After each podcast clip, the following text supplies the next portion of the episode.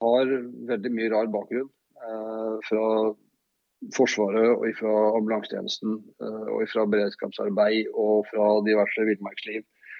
Men det er jo litt sånn da, når du er på tur, litt sånn rundt terreng, da, så er det, det går plutselig en liten sånn tanke i huet. Jøss, yes, hva er det han vil? Hva er det, noe, hva er det han skal klage på?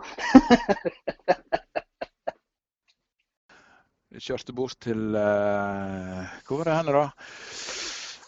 Brumunddal, en eller annen forhandler der borte og henta den. Bytta inn 250-en. Eh, eh, og så kjørte jeg rett på fjellkjør med, med Afrikatvinnen. aldri prøv, aldri testa den. Kjørte rett på det treffet og rett opp i skogen. Eh, selv om våre motorsykler forurenser eh, lokalmiljøet veldig lite, så forurenser jo både lyd og avgasser en eh, sånn elsykkel eh, klart mye mindre. Så jeg ser positivt på det og ønsker alle innovasjoner og endringer der velkommen. Men helt klare er vi jo, er vi ikke bransjen ennå.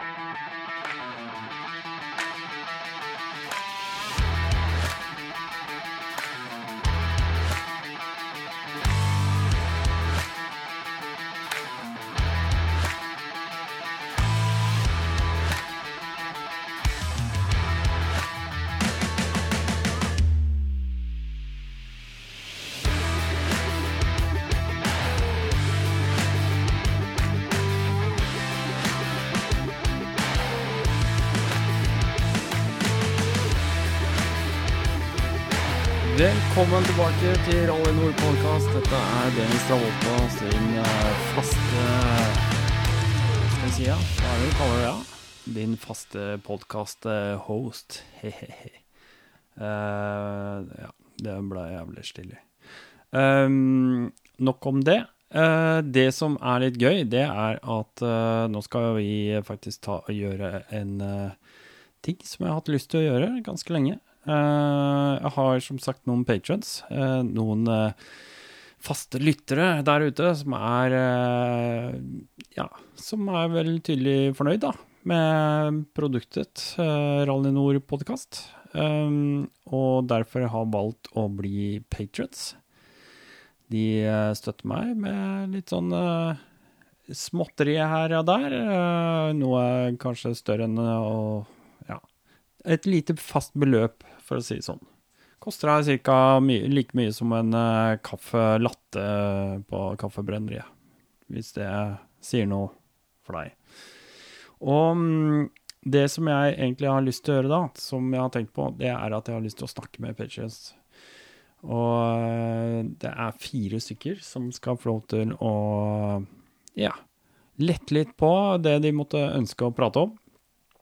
Så da tenker jeg sånn helt uh, uten videre, så skal vi bare ta og ringe opp den første på lista, og så får vi høre hva han har på hjertet.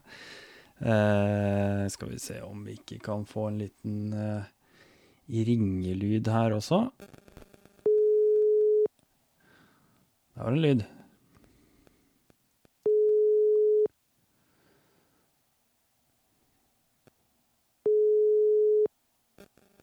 Hallo. Hei sann! Det er Dennis som ringer. God dag, god dag.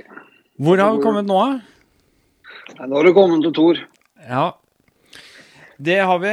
Tor eh, Holm Ellefsen. Du eh, Skal vi se, nå er det noen forstyrrelser på linja her, da. Det er jo typisk. Et eller annet som eh, ligger og Ja, kåler. Jeg veit ikke om det er noe Om du har noe på din side? Ja, det kan det godt være. Hva, er, hva, hva, hva skal jeg se etter? Jeg veit ikke. Det kan være et eller annet sånn ledninger eller eh, sånn type ting. Du har vel ikke noe ledning, kanskje? Det er mye rare ledning, ledninger. Kan det være noe som går på strøm? Jeg tror jeg fikk den. Jeg tror jeg fant den. Jeg tror jeg fant okay. den. Du, eh, Tor Holm Ellefsen. Eh. Du er jo kjent, du, fra tidligere episode. Ja, nå har jeg prata med deg to ganger, så nå må vi slutte. Du har prata med meg tre ganger? Så da kan ja, vi såpass, ja. må bare legge på, da. Ja, det er, da tror jeg kanskje jeg har nådd baks. Ja. Eh, Nei da. Du, eh, du var med Du hadde et uh, bitte lite innslag i uh, elmotorsykkel-episoden. og så har Ja. du jo selvfølgelig vært med i um, Lys-episoden. Den var jo, ble jo i to deler. Stemmer. Den ble delt i to. Ja. Så, og det har jo vært eh, kjempehyggelig, det, å ha deg med der. Men eh, Ja, ja. hadde det ikke vært for den der eh, elmotorsykkelbiten, så hadde jeg ikke sikkert funnet podkasten din en gang heller. For det var jo grunnen der jeg så merket på sykkelen din. Eh, Mm. Så det var jo ganske store tilfeldigheter. ja. Akkurat. Jeg hadde Ja. ikke hørt podkasten før jeg hadde sett alle filmer inne på YouTube. Men jeg hadde ikke fått med meg at du hadde begynt podkast. Ja, fordi det var jo egentlig sånn Rally Nord begynte. Det begynte egentlig på eh, Instagram, og så litt på YouTube. Og så syns jeg egentlig at det, For jeg var en fast lytter av podkast generelt, på andre ting. Og da tenkte jeg det her, det er det jeg skal drive med. Tenkte jeg da. Ja. Da har du eh, Du har tatt på deg store sko, da. Det er ganske mye jobb, dette. Det er Vet du hva? Jeg har kanskje nevnt det før, men eh, hvis jeg Når jeg sto i startgropa og tenkte dette her er lurt, det her skal jeg gjøre Hvis jeg visste hvor mye jobb det var å komme i gang med det her, så hadde jeg antageligvis bare droppa det. Ja, men det er, har du kommet i gang, ikke sant, så går ikke det heller. For det er sånn, sånn nei, jeg har gjort én, så kan du gjøre en til. Og så er det sånn, Jeg finner jo alltid på noe mer. Det er, det er jo som, Når du først har snøballa begynt å rulle, så er det ikke bare å gi seg heller. Du, dette her er eh, romjulsprat, og, og det som er greia, det må vi ha som en fast eh, greie med patrients, selvfølgelig. Eh, men det som er litt kult for meg nå, eh, når vi først snakker om det, det er at eh, målet mitt var jo at hvis jeg klarer å holde dette liksom eh, over vann eh, ut året, eh, og da Ja. ikke har lyst til å gi opp, så er det, eh, da er det grunn til at, eh, å, å gå videre. Så jeg har, har for så vidt eh, nå i dag slått skikkelig på stortromma, og så har jeg bestilt meg en sånn ordentlig podkastmikser. Oi. Så Ja, det så jeg du hadde skrevet om at du ønska det. jeg ønsker meg det. Jeg ønsker meg fælt, men jeg klarte ikke å vente, for det kommer ikke. det kommer ikke så Dere, dere bidrar jo. Dere bidrar jo, dere patrons, for all del. Det er jo det, det, Altså, hadde det ikke vært for det, så hadde jeg følt meg veldig tom, selv om det er, dere bare er seks stykker. Da hadde jeg følt meg skikkelig teit. Det er jo noe med også når du først finner noen ting som er verdt å, å enten se på eller høre på, så går det an også faktisk gi noe tilbake på det. da. Det er ikke fæle greiene å sponse med en liten eh, sum i måneden. De pengene hadde jeg kasta bort uansett. Tusen takk. Uh, så, så, så ja, ja. Det var et dårlig ordvalg der. Nei, nei, det var ikke det, altså. Eh, nei, altså, det er, men det er noe med det at det, man har Jeg har råd til å, å, å sponse deg med det. Jeg har på samme måte som altså, Hvis du virkelig har lyst til å se på Netflix, så har du råd på Netflix. Du trenger ikke å piratkopiere av noen andre. Mm. Altså, og hvis det kan anspore da, noen til å faktisk lage noe som jeg syns er gøy å høre på, så er det jo verdt det. Bare for å si det, de to siste episodene jeg har lagt ut, det har kosta meg 100 kroner ekstra. Ja. Og det, det kommer da oppå det vanlige som jeg betaler fast. Så har jeg betalt 100 kroner bare for å legge ut de to siste episodene. Og det er da oppå de faste avgiftene. Uh, og det har noe med at jeg må betale for ekstra plass.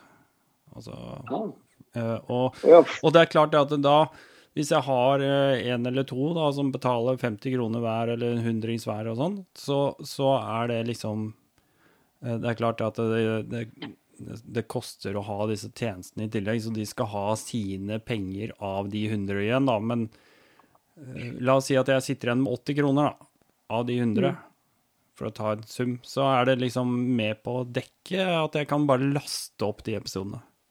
Og så kommer jo all jobben som vi snakker om i tillegg. Da, ikke sant? Jobben med å ringe, avtale, skrive fram og tilbake, planlegge ja, Ja, redigere det, men det er jo Men altså det å komme på temaer og det å hoste opp folk og prate med, det er jo plenty av folk du kan snakke med, men det er det å komme i kontakt med dem og finne dem og, Ja, og gjøre dette her òg. Ja.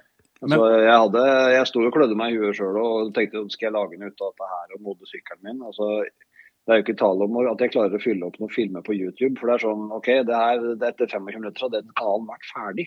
Mhm. Det er sånn, ja, nå har jeg prata meg tom her. Mm, mm. og da Hva i all verden er neste skritt? Så Mm. da er det bare da er det ikke noe vits i å begynne å rote med sånt. Nei. Nei da. Men dette handler ikke om meg, uh, du? Dette, dette her, det skal handle om deg. Fantastisk. Nei da. Uh, har du noe sånn spesielt du har på hjertet, eller? Uh, tror du ytra noen sånne småting som du hadde lyst til å ja, bare lette litt eh, på trykket? Nei, jeg, altså, det er ikke så mye å lette på trykket, men det er litt, eh, litt kommentar til noe som har vært oppe tidligere. Også, jeg har ikke så veldig mye, jeg burde ikke mene så fryktelig mye om det å kjøre motorsykkel. For som sagt gjentatte ganger før, jeg har kjørt lite sykkel, så der må jeg egentlig bare være nybegynner. Mm. Uh, men jeg har gjort andre ting en del, da. Uh, og har veldig mye rar bakgrunn. Ja. Uh, fra Forsvaret og fra ambulansetjenesten eh, og fra beredskapsarbeid og fra diverse villmarksliv. Eh, arbeidsstykker. eh, ja. Og så Noe av dette er sånn er jo så overførbart. og Det jeg tenkte på, var egentlig litt, Jeg satt og så gjennom katalogen med episoder. og så Den episoden du hadde hvor du snakka med han Han het Jonas, Drott, er det ikke det? Han Jo, er fra Jonas Drott, ja. Adventure Ready. Ja. Mm. Mm. Litt på det her med det her med beredskap og det om å, å, være forberedt på uforutsette ting. Da. Mm. Uh, det så jeg litt på sjøl når jeg kjørte i sommer. Bare det å komme inn i områder hvor det ikke er dekning uh, på telefon. Ja. Uh, det er jo én ting. Jeg er jo sånn som er manisk opptatt av å ha kart når jeg er på tur. Jeg, jeg går ikke tur uten å ha papirkart i lomma, og aller helst kompass òg, med mindre jeg er veldig godt kjent der jeg er. Mm. Bare fordi at det, jeg, jeg blir komfortabel å ha med det. Ja. Eh, og da er det litt sånn at når jeg er ute og kjører på tur òg, så er det sånn Jeg skal vite hvor jeg er, jeg skal ha kontroll på kartet. Jeg reiser ikke rundt med NAF veibok, fordi så lenge jeg navigerer på vei, så er det på en måte bare å ta samme veien utad, så kommer det også ut. Mm. Eh, Du er ikke ute og går i villmarka, det blir litt annerledes. Kompasskurs med motorsykkel er sikkert Da er vi inne på noe roadbook-kjøring jeg ikke driver med riktig ennå. Mm. Um, men uh, det er en sånn Du er vant til å kunne ha telefon her fordi det er noen hjemme ikke sant, som lurer litt på hvor jeg er hen og at ting går greit og sånt noe. Mm. Og det er jo ikke sikkert det gjør meg noe at jeg kommer fram til en leirplass og får hengt opp hengekøya og, og fyrt opp uh, primusen. Men hvis de hjemme ikke får vite at jeg er framme, så er jo det litt ugreit. Ja. For de kan jo begynne å lure. Så det er sånn der, eh, følge med og passe på å melde fra hjem og sånt. Og det er jo er du alene, så er det en beredskapsbit. ikke sant? Hvem er det som passer på at du kommer fram og har trekk på når var det sist du ga livstegn fra deg? Mm. eh, Og kan finne på å spørre hvis du er borte. Mm. Um, og så kommer den beredskapen du må gjøre sjøl i forhold til å tenke gjennom hva du skal gjøre. Altså, hva er det du skal på, og hva er det du kan bli utsatt for. Mm. Um, og Du var jo veldig lenge, tungt inne på det her førstehjelpstemaet sammen med han, eh, med han Jonas. og Det er jo en ting som ligger på en måte mitt hjerte nært. Og jeg har vært medic i Forsvaret siden jeg begynte i 98. Jeg har alltid drevet med førstehjelp i Røde Kors så jeg gikk på ungdomsskolen. Ja. Um, og det er jo en greie som veldig mange mennesker ikke lærer noe om. Altså, Det er ikke noe formell opplæring med førstehjelp på den gemene hop i Norge. Det er noe du må oppsøke. ja. Og, og ikke bare det, men det er ferskvare. Absolutt ferskvare. Uh, og så er det veldig mye det her eh, altså, Du må kjenne din egen begrensning. Mm. Uh, og den her, Det finnes en sånn her lærings... eh, altså, et begrep om læring, da, eh, om hvor mye du kan. Uh, og det absolutt farligste som finnes, det er folk som er det som vi kaller for lykkelig uvitende. Ja. Eh, for det altså de eh, eller de farligste er jo ikke det. Det, det, tryggeste det er å være der, da, for at du er lykkelig uvitende. Du, du, altså, du har det fint, for du veit ikke hvor lite du kan. Det går bra. Ja, ja, ja. Det er sånne folk som i beste fall så bare ramler de rett vei. Ja. Og så går det liksom i orden, ikke sant. Ja. Eh, Det men så har du de som eh, Ja, Nei, nei, beklager. nei. eh, og så har vi på en måte det neste som kommer, det er når noen begynner å lære litt. Rann. eh, og så føler de mestring, og så tror de at de kan jævlig mye. Mm. Mm. Eh, og det er litt skummelt, for da er det lett for at du kan prøve deg på vanskelige ting, avanserte ting, som du ikke burde drive med. Ja.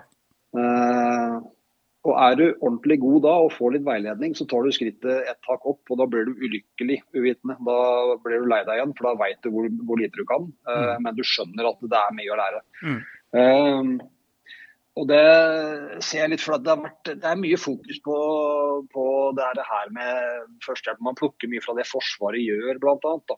Mm. Eh, og det er bra, fordi Forsvaret har gjort en del gode ting de siste åra. Men samtidig så er det Forsvaret driver med, og det som kalles for TCCC, eller sånn som for eksempel det er med stans av masse blødninger og sånt, noe, Ja. det er eh, ekstremt viktig at det blir gjort riktig når det er det som er problemet. Mm. Og så er det helt feil taktikk hvis det ikke er blødning som er problemet ditt. Da, da går det fort uh, nedoverbakke. Ja, ja. Um, Ja, hvis, det du, hvis du prøver å stoppe en blødning, og så ja. ligger egentlig tunga og kveler den. Det er litt det vi snakker om. om. Ja, og det er liksom, du bruker masse tid på å se etter den blødninga. eh, Ja. Fordi at det er ekstremt farlig med arteriell blødning, og det er helt riktig. Mm. Eh, men det er ikke det som er problemet. Og det det handler om på denne greia, er at det er, litt, det er en skademekanikk. Eh, og en av grunnene til at det her med massive blødninger har fått et veldig stort fokus eh, fra militært hold det siste året, er jo det som har pågått i Afghanistan og, Mm. og Irak. For da har man plutselig fått ekstremt gode statistiske grunnlag for å sjekke ting. Dessverre. Men altså, man har jo forska mye på dette her. Eh, hele bakgrunnen for det her TCCC, som også han Jonas snakka om, Ja. er altså Alt det munner i stor grad ut av den hendelsen som ble etter filmen 'Black Hawk Down'. Å ja. Ser du det? Ja, ja, Det er en ekstremt fascinerende historie. Ja, ja, ja. eh, Som Du finner ganske mye om det på, på nettet ved å grave litt. og Det finnes noen sånne eh, en del skriverier og et sånt symposium som ble holdt i etterkant av den operasjonen der. For det gikk jo så jævlig galt. Ja, ja.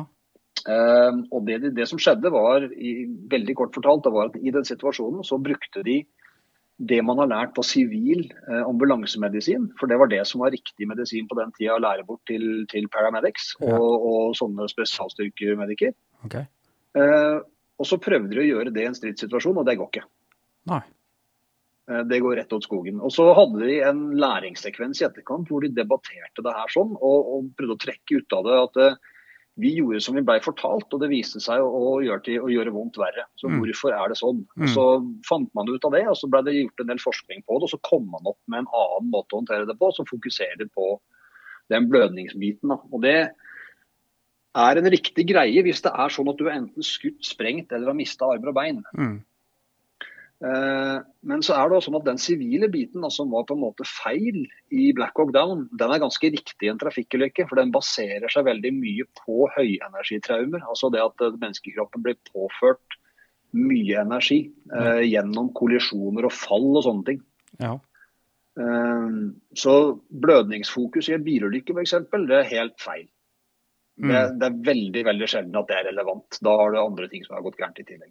Mm. På en motorsykkel så er det nok litt annerledes, fordi at du kan jo, du er mye mer ubeskytta. Du kan bli slengt litt imellom Ja. ting og sånt noe. Åpne brudd og sånne ting. Ja, og, så, så det er litt det der, men eh, for meg så blir det sånn Du må lære noe om den førstehjelpa, og så må du, når du kommer til et ulykkessted, hvis du er så heldig at du kommer til det og ikke er i det sjøl, Mm. så er dette her å se, så finne ut av hva pokker skjedde her. Altså hvorfor har dette skjedd? Eh, er det, eh, hvor, hvor fort kan det ha gått? Hvor langt kan den ha falt? Altså Hva har han eller hun treffet? Mm. Eh, hvilke, hvilke ting er det som har lagd den skaden? Er det en, hvis du har en gjerdestolpe gjennom brøstet, så er det ganske tydelig. Men det kan også være andre ting. Da. Og det, for det, det påvirker litt hva du skal gjøre for noe førstehjelp. Mm. ja. Nå, det her blir veldig så Det blir ganske langt ned detaljene. Eh, Du, dette er jo akkurat det vi er ute etter. Vi ønsker å grave oss ordentlig ned i materien. Det- Det er jo det som er eh, så fint med å kunne snakke med mye forskjellige folk eh, og, som er ekstremt gode på sine felt. Det er jo det at man kan få en vekker, og man kan egentlig plukke ut eh, ting og, og, til ettertanke, og som man kanskje kan eh, eh, lære noe av, da. Og, og, det er jo det som gjør det viktig å prate med, sånn som deg nå. Og det, alt det du sitter og sier, er jo sånne ting som i hvert fall eh, ringer noen bjeller. da, altså Det rister litt tak i deg, og du veit det at eh, fy faen, en dag så, så skjer det. Og, og, for noen så har det skjedd, og, og det er klart at eh, eh, vi har hørt om det, vi har lest om det, og kanskje ikke opplevd det, men, eh, men det kan komme en dag. Og, mm. Det er, så det er bra, det. Altså, det er nyttig. Dette har jo Ok, det er kanskje, kanskje ikke direkte relatert til uh, balanse på motorsykkel, men uh, det dreier seg om situasjoner som kan dukke opp, selvfølgelig. Det viktigste i, i det her med å, hvis man kommer til et ulykkessted til et uhell, det er faktisk bare å gjøre noe. Altså, det, det, ja. Men det er vanskelig, fordi at du har normalt sett ikke noen reaksjonsmønster som passer til det. Uh, så det er litt vanskelig å komme inn i. Um, jeg, har en, jeg har aldri vært på et ulykkessted hvor det har vært noen motorsyklist som har blødd mye. Nei. Uh, jeg var på en motocrossulykke en gang hvor en som hadde klart å få kikken trødd opp på baksida av kne og spjæra låret. Au. Ja, Landa ordentlig skeivt, og så klarte å trø kiken da opp gjennom buksa. opp, og Den var altså inni, og ja, den hadde altså pløyd seg gjennom baksida av lårene og ut gjennom rumpa. Uh, ja, det, altså, det, er, det, er, ganske stygt. Men igjen, da, poenget er det var jo ikke noe særlig blod å snakke om her. Nei. Altså, nei, det var en helt kurant forbinding, og fyren trengte smertestillende, og så var det å komme seg til sykehuset med. Liksom. Men mm. Ja, nå hadde jo ikke det akkurat vært noe jævla prima sted å sette torniké. Uh, men, men uansett, da, så var det sånn det, var, det, er noe av det styggeste jeg har sett sånn rent visuelt på, mm. på, et sånt, på et uhell. Uh, men fortsatt uh, forholdsvis ryddig å ha med å gjøre. Altså, du må pakke det inn. Ja. Og Det er der jeg kommer litt på det her med at når, når vi vanlige førere skal, skal, pakke det her utstyret vi skal ha med oss på sykkelen, og ha litt sånn først, tenke førstehjelpsutstyr, altså hva skal du ta med deg? Mm. Eh, så ta med deg noe som på en måte kan hjelpe på en eller annen krisesituasjon som du klarer å forutse. Og så må du telle litt på knappa ikke sant? hvis du skal kjøre der. så er det sånn, Skal du kjøre alene, mm. ja da må du ha noe som du bruker på deg sjøl. Mm. Mm. Ja. Og hvis du ikke bruker det på deg sjøl, så er det ikke verdt å dra det med. Altså, vekt og størrelse og sånn. Litt kynisk har jeg lov til å være òg. Ja, ja. Uh, så det er sånn tall er noe som du forstår hva skal brukes, og som du kan bruke på deg sjøl. Du kan ikke at jeg skal være litt grei. Har vi dårlig linje? Vi har litt dårlig linje, Tor. Jeg vet ikke om det er noe dårlig dekning hos deg. Ja. Nei. Um, for jeg har jo sett, jeg ser jo på dette sjøl i forhold til hva jeg pakker med meg også. Mm. Og så er det den her, Skal du kjøre sammen med andre, hvordan skal man planlegge med å kunne hjelpe hverandre? Hva kan den jeg kjører sammen med? Ja. Uh, og hva kan man forvente av hverandre der sånn? Ja, hvor skal vi? Ja. Uh, hva slags hjelp kan man få på hvilken tid? Ja. Uh, og kan det der, altså, Siden man har lite plass, da, så er det altså ta med seg ting som kan brukes til flere ting. Ja. Altså, igjen, det er Torniké det kan brukes til akkurat det og ingenting annet. Mm. Uh, samtidig så er det nesten ingenting som kan brukes til torniké. Det Nei, blir sagt at du kan improvisere det, men akkurat der finnes det data på at improviserte tornikéer de er jævlig dårlige. Og de er veldig ofte farligere enn å ikke gjøre noe. Ja, riktig. Ja. Så f.eks. Uh, bare man... ta en uh, taustump og knyte rundt og en pinne og begynne å tvinne opp, uh, det er ikke det samme? Nei, Da vil jeg heller satse på å prøve å stoppe biter av T-skjorte inni såret. Ja. For det, den, det, det, Fascinerende nok så finnes det en, en, studie som er publisert i enten Lancet eller New England Journal of Medicine, som er skrevet av en, en norsk kirurg etter, etter en av Irak-krigene. Okay. Som går på det med, med improviserte tornikerer, og som var også en av hovedgrunnene til at vi i Norge ikke brukte tornikerer militært i mange mange år, fordi at de ble vurdert der til å være så jævlig dårlige. Men det var improviserte tornikerer. Såpass? Ja. Oi. Hmm. Um, så han hadde en del tall på det, uh, på avrimmingsskader der. Ja. Um, ja. Uh, som en parallell der, hvis du kjøper deg torniké, så vær veldig forsiktig hvor du kjøper den, for det er mye fake ute og går. Uh, og sånne så, ja, Kina-kopier, og de holder ikke vann. Akkurat det, jeg skal være helt ærlig og si at det har vært mye ute og surfa og leita og leita, men så ja. Veit jeg faen ikke, altså for å si det sånn, uh, om dette her er uh, the real shit, eller om det er bare en billig plastkopi fra Kina. Uh, jeg mistenker at det er mye kopier, og jeg mistenker også at hvis jeg trykker på kjøp eller bestill, så, så, er ikke jeg sikker på at jeg får det beste heller. For Nei, det, det fins forskjellige utgaver og det finnes forskjellige produsenter. Eh, og de har litt forskjellige teknikker for å bruke de osv. Og og så mm. fins det mange som kopierer de. Mm. Men i Norge så tror jeg du som vanlig forbruker må være forberedt på å betale helt oppimot et sted mellom 400 og 500 kroner for et enkelt torniké som ja, er eh, ekte. Det må du helt sikkert, ja. ja. Ja, så er de billigere enn det, eh, og mye billigere, så er det høyst sannsynlig en fake. Ja. Um, og jeg vet, jeg, Nå kjøper jeg mye torniké profesjonelt, mm. uh, men det går jo via helt andre kontrakter og avtaler. Så jeg er litt usikker på hvor jeg ville kjøpt den til meg sjøl, faktisk. Det må jo, jo. jeg nesten gå inn og sjekke litt. Ja, ja. Nei, nå, jeg venter egentlig på at Jonas skal bli ferdig med produktet sitt, så skal jeg nok eh, kjøpe, bestille litt av han, tenker jeg egentlig. Eh, ja i utgangspunktet. Og så har han jo sagt at torniké det får du skaffe deg på egen hånd, og det er greit. Det er jo en traumesaks. Det burde, burde man jo egentlig da ha. Ja, Der er vi inne på en ting jeg tror det, det finner, Hvis du skal være forberedt på å hjelpe noen med forulykka på sykkel, så er kanskje saksa det viktigste du burde ta med deg. Ja, altså du får ikke sett uh, noen ting hvis, uh, hvis noen Nei. ligger og vrir seg i smerte og et helvete, og med en gang du begynner å røre støvelen, så er du uh, omtrent blir du rivd huet av. Så er det klart at da må du faktisk klippe opp ting. Altså selv om den buksa koster 7000 spenn og var kliss ny i forrige uke, så drit i det. For det, ja det er det som er på innsida der, som er viktig, og det er der du, der du må komme til. Uh, og det, det fins forsikringer som tar de der, uh, den støyten der allikevel. Så, ja. Men det er litt sånn som å kjøre bil da, ikke sant? med iskremen i ene hånda og kaffekoppen i den andre, da, og så er du i ferd med å kollidere. Og så klarer du rett og slett ikke å vri på rattet, fordi uh, du har ikke noe sted å gjøre av det du har i henda. Det er litt samme Nei. greia, ikke sant? Ja. Uh, man kolliderer bilen fordi at man ikke fikk satt fra seg tingene sine, istedenfor å bare slippe det, ta tak i rattet og komme seg unna situasjonen. Ja, det, det er den. Og da er det beklageligvis så er det en del folk som har såpass dårlig impulskontroll at de velger å gjøre sånne ting. Ja, det er det. Det er det, altså. Og det, det er reelt. Det fins det statistikker på, akkurat sånne ting som det er. Ja, ja. Jeg er, jeg er ikke alltid veldig positivt innstilt til andre menneskers prestasjonsevne, men den er stort sett basert på at jeg tror veldig mange mennesker er idioter. Mm.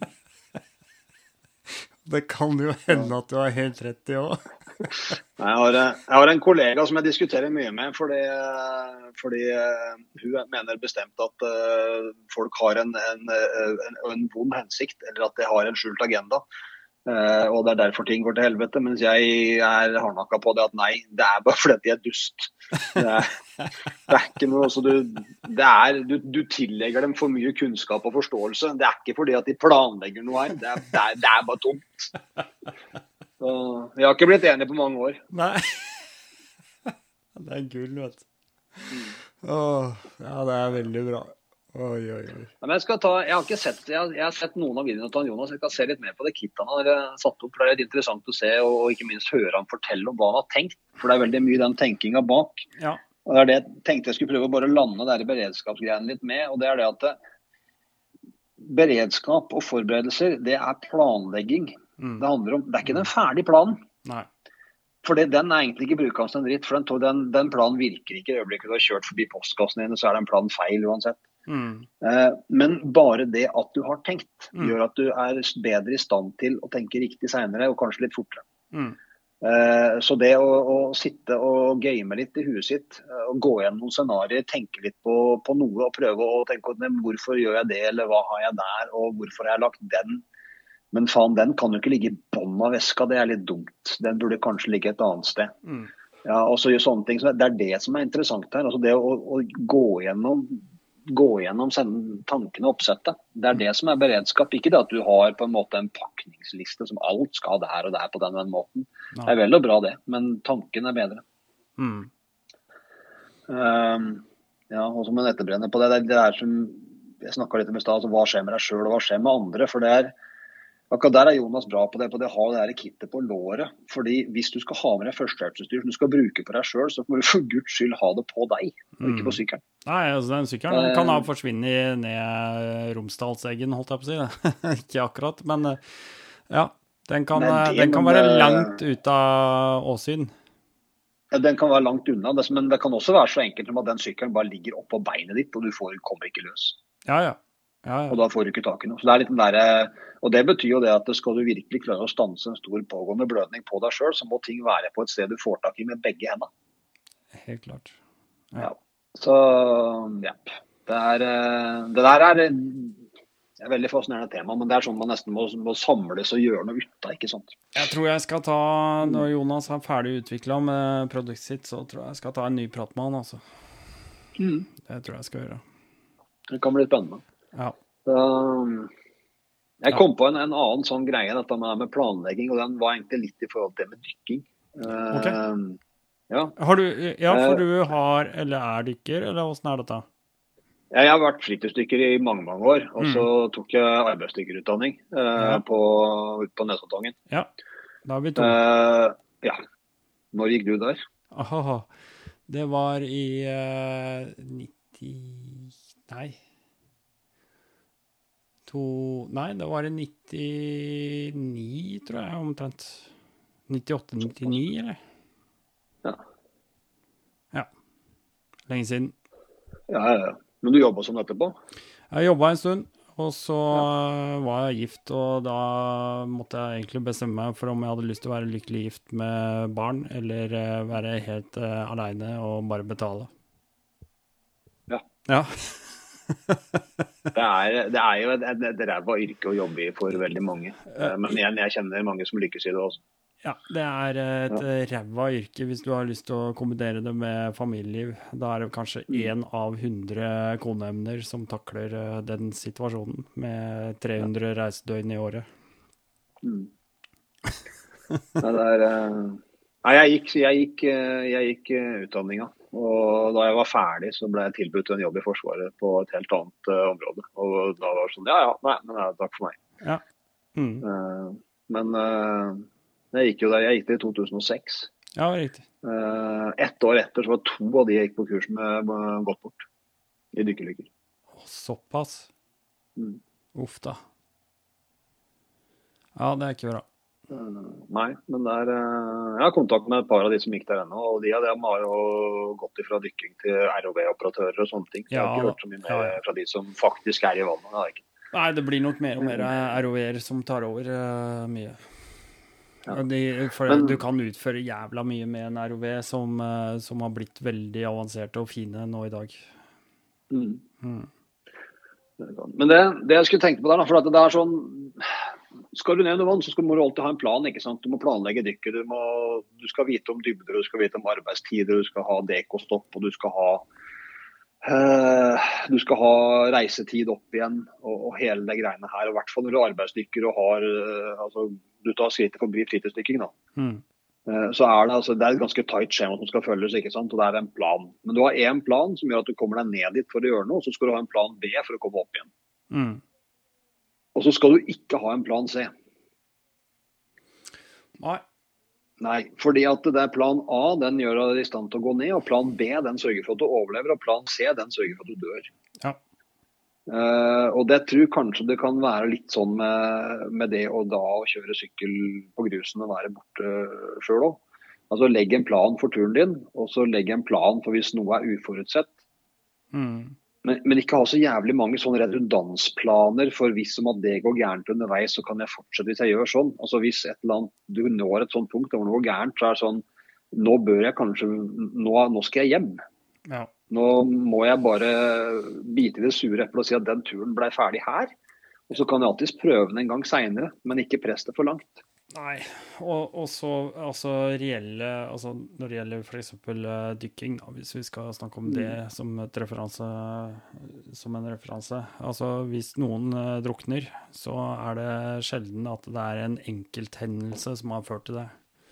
Ja. Det er ofte da en kjede av uh, flere små hendelser, ikke sant. Og som hver av dem nesten trigga en reaksjon, men kanskje ikke gjorde det. Ja. Men su summen av dem burde kanskje ha trigga et stans før det gikk gærent. Ja, ja. Man må ikke bli sjøl om det er lett for oss hvis vi endelig får, liksom, når vi får muligheten å være stemmer og føre stemmer og vi kommer oss ut på tur. ikke sant? Og Mm. bare yes, nå har jeg fire dager hvor jeg kan drive med det her. Mm, mm. Og så på dag én og en halv så er det sånn derre Det der passa jævlig dårlig å dra hjem nå bare fordi at dette gikk gærent. Jeg burde jo egentlig Jeg, jeg kan sikkert kjøre til i morgen, Ja. Ja, ja, ja. men det er Nei. Det er, det er en liten sånn liten motivasjonsdytt der til at kanskje man noen ganger skal bli litt flinkere til å stille opp. Men uh, gleder du deg til å planlegge tur til sommeren, eller? Å ja. Jeg har, uh, jeg har ganske mange timer foran uh, Osman Maps hvor jeg ligger og peker ut ruter og finner ut av hvor jeg håper jeg kan kjøre, og hvor det kan og ikke kan være bommer. Det er stort sett bommer overalt, men eh, ja ja. Det er en utfordring. Det, det får vi bare ta på strak arm. Ja ja ja. Nei, det, jeg gleder meg. Jeg var ute en liten tur i dag òg, jeg. Å, har du det? Ja ja. Var, Du eh, kan jo bare stå og spyle og vaske og kose deg hjemme, du. Ja, nei, jeg var ikke, Nå kjørte jeg bare asfalt i dag, da, men jeg fikk ny software på det her speedometeret Ja. fra Aurora. Ja. Eh, som jeg lasta inn, og da måtte jeg bare prøvekjøre bitte litt. Ja, selvfølgelig. Ja. Faen, så gøy. Så har jeg, greide jeg å få kloa i en eh, ganske ålreit leddpære som jeg har fått mata inn i den her hovedløkta mi òg, som mm. eh, fortsetter på den lysepodden vår. Du, vet du hva jeg er veldig Ja. Det der gleder jeg meg skikkelig til. ass. Det er noe av det jeg ser skikkelig fram til nå på den Ja, rett over uh, nyåret nå. Å begynne med lys. Ja, ja, jeg veit at Erik er ordentlig gira. eh, og han har uh, ordna en hel del ting som vi må bare finne ut av hvordan vi skal, hvordan vi skal få prøvd ut. Ja, det er det var- som er greia. Men ja. det blir bra. Jeg var borti garasjen og tok noen mål av den lyktekåpa nå. Og liksom liksom veit hva jeg kan hole ut og bare rive i stykker og fjerne. Og hva jeg kanskje da får plass til inni der. Mm. Eventuelt må ha på utsida. Ja. Jeg er- regner med at jeg må ha noen på utsida, nemlig. Hva får du rigga hvor? Men det er den som ser deg ut, da. Hvor pokker kan du feste noe der, sånn at det faktisk sitter fast. Det det går ikke an å bare bore hull i plastikken eller kompositten ikke sant, og la det dingle. Det må jo være litt solid. Du, jeg tror vi må ta med noe lydutstyr ja. neste gang vi Ja. skal møte Erik og vi begynner å prate om det her igjen. Ja, det, det må vi nok helt klart ha. Ja. Eh, Men jeg veit at han i hvert fall er klar til å, til å ta en sak ute. eh, og, og, og en faktisk demo. Det er kult. Du, vet hva? Da, da sier vi det med det. Og så skal jeg bare takke så mye for at du gadd å være med nok en gang. Eh, kult å høre fra patrons, og selvfølgelig eh, all din kunnskap. Den er, eh, den er hjertelig velkommen her i poden. Det er helt sikkert. Det er veldig, det er veldig hyggelig. Uh, og jeg, jeg syns det er veldig gøy sjøl òg. Å å kunne på en måte kanskje være med og bidra, bidra på noe. men jeg gleder meg til å høre hva, hva du eh, kommer med på de neste år. Så jeg, eh, jeg setter alltid pris på når det kommer noen nye episoder. Det har vært bra det du har levert, og jeg ser fram til de andre. Så det, det syns du gjør en jævla bra jobb. Jeg har planlagt et par ting til. Eh, forhåpentligvis eh, få tatt og spilt inn i løpet av denne uka. Og så ligger det enda noe greier på nyåret og litt av hvert. Men eh, eh, nå skal jeg først og fremst prate med tre andre patrients. Ja. Og så skal vi smekke sammen det til en uh, liten uh, romjulsepisode, som jeg kaller det. Med HJ, selvfølgelig. Og så Uff. ja, greit. Og så kommer det Jeg lover, jeg garanterer, det er, eh, det er et par skikkelig spennende ting som kommer. Det er Ja. helt sikkert. OK? Mm. Da sier jeg bare shalabais, jeg. Sjalabais.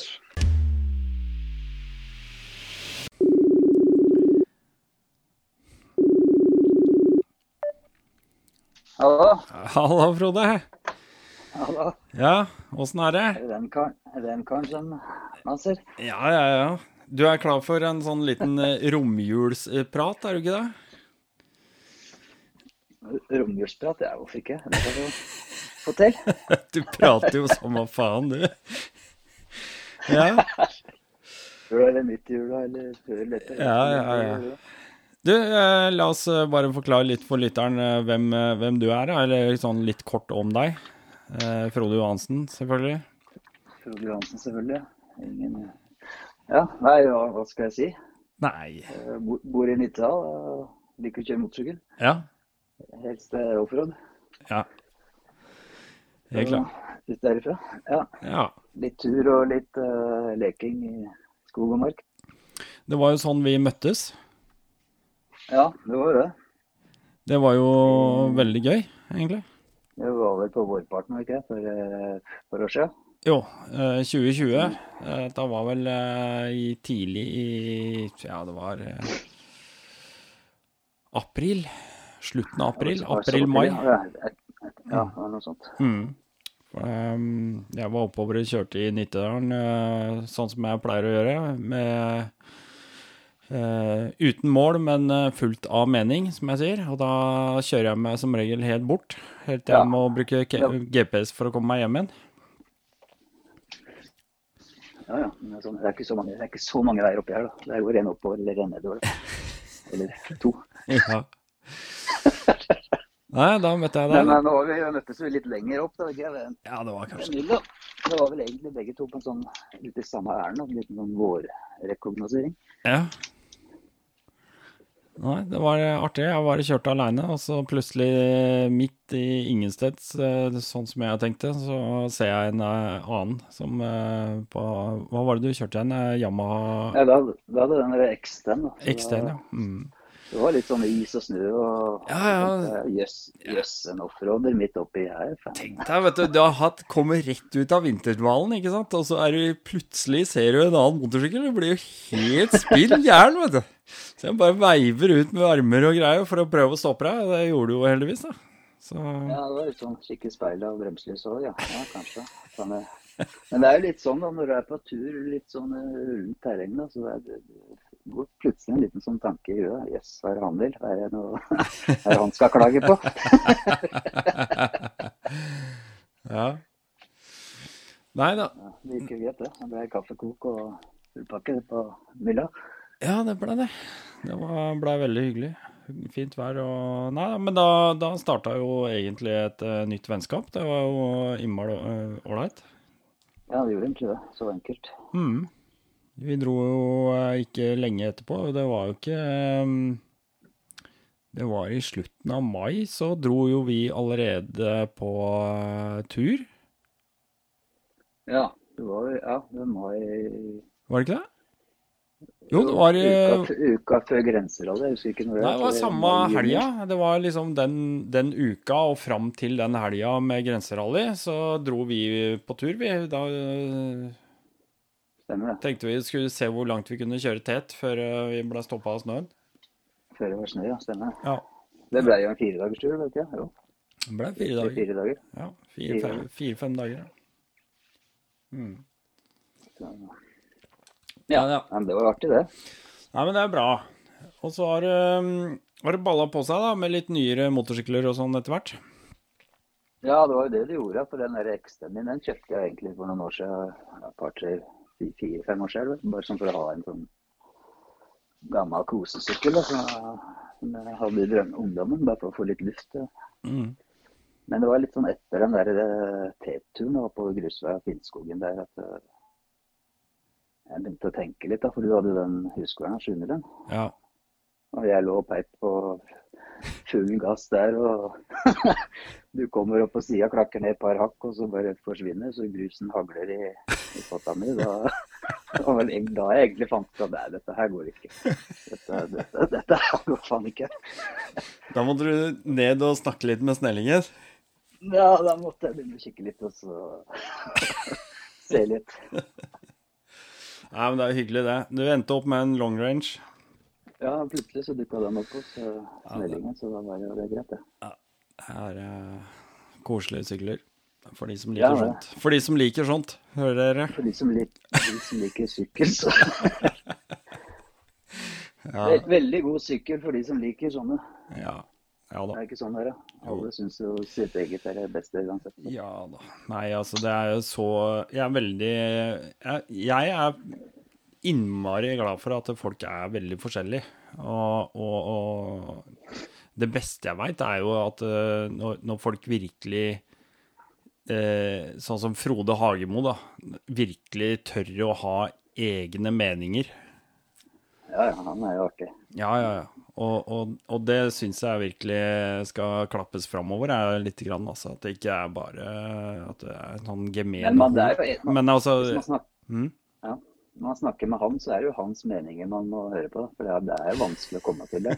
Du må, du må, du må, du må skyte inn innimellom når han gir spredt pust. ja, det, det er klart det at det, han eh, han er ikke så glad for andres meninger, tror jeg. Jeg veit ikke. Altså, det er et eller annet, eh, et eller annet der, kanskje. Men det ja. Nei, jeg, høre på godstordene hans. Jeg syns det er kult at eh, folk eh, kan gjøre det. Vi har jo han derre franskmannen som er på tur og kjører rundt i europateten eh, med, med en sånn eh, liten monkeybike. Har du sett det? Er det noe? Ja, det er en fyr. Han holdt på i hvert fall i fjor sommer og hele i fjor. Ja. Så drev han og kjørte rundt på en sånn bitte liten Honda 125 monkeybike vet du, med sånn super superoppakning. Og jævla svær kar sjøl også. Så, Ja, man må bare holde på. Ja, jeg, jeg, Det syns, kjedelig ut, det der. jeg syns det er eh, kult når folk bare gjør Jo, ting som annerledes. jo da. Det, ja, det, det, høres kjedelig ut. Ja, det er litt kjedelig, vel. Ja, det, ja, for oss, kanskje. Jo, for oss, Ja. Men, eh, men jeg hadde blitt eh, positivt fartssupporter overraska hadde jeg med møtt den. Ja. Nei, sånn må du ha det nå, Frode.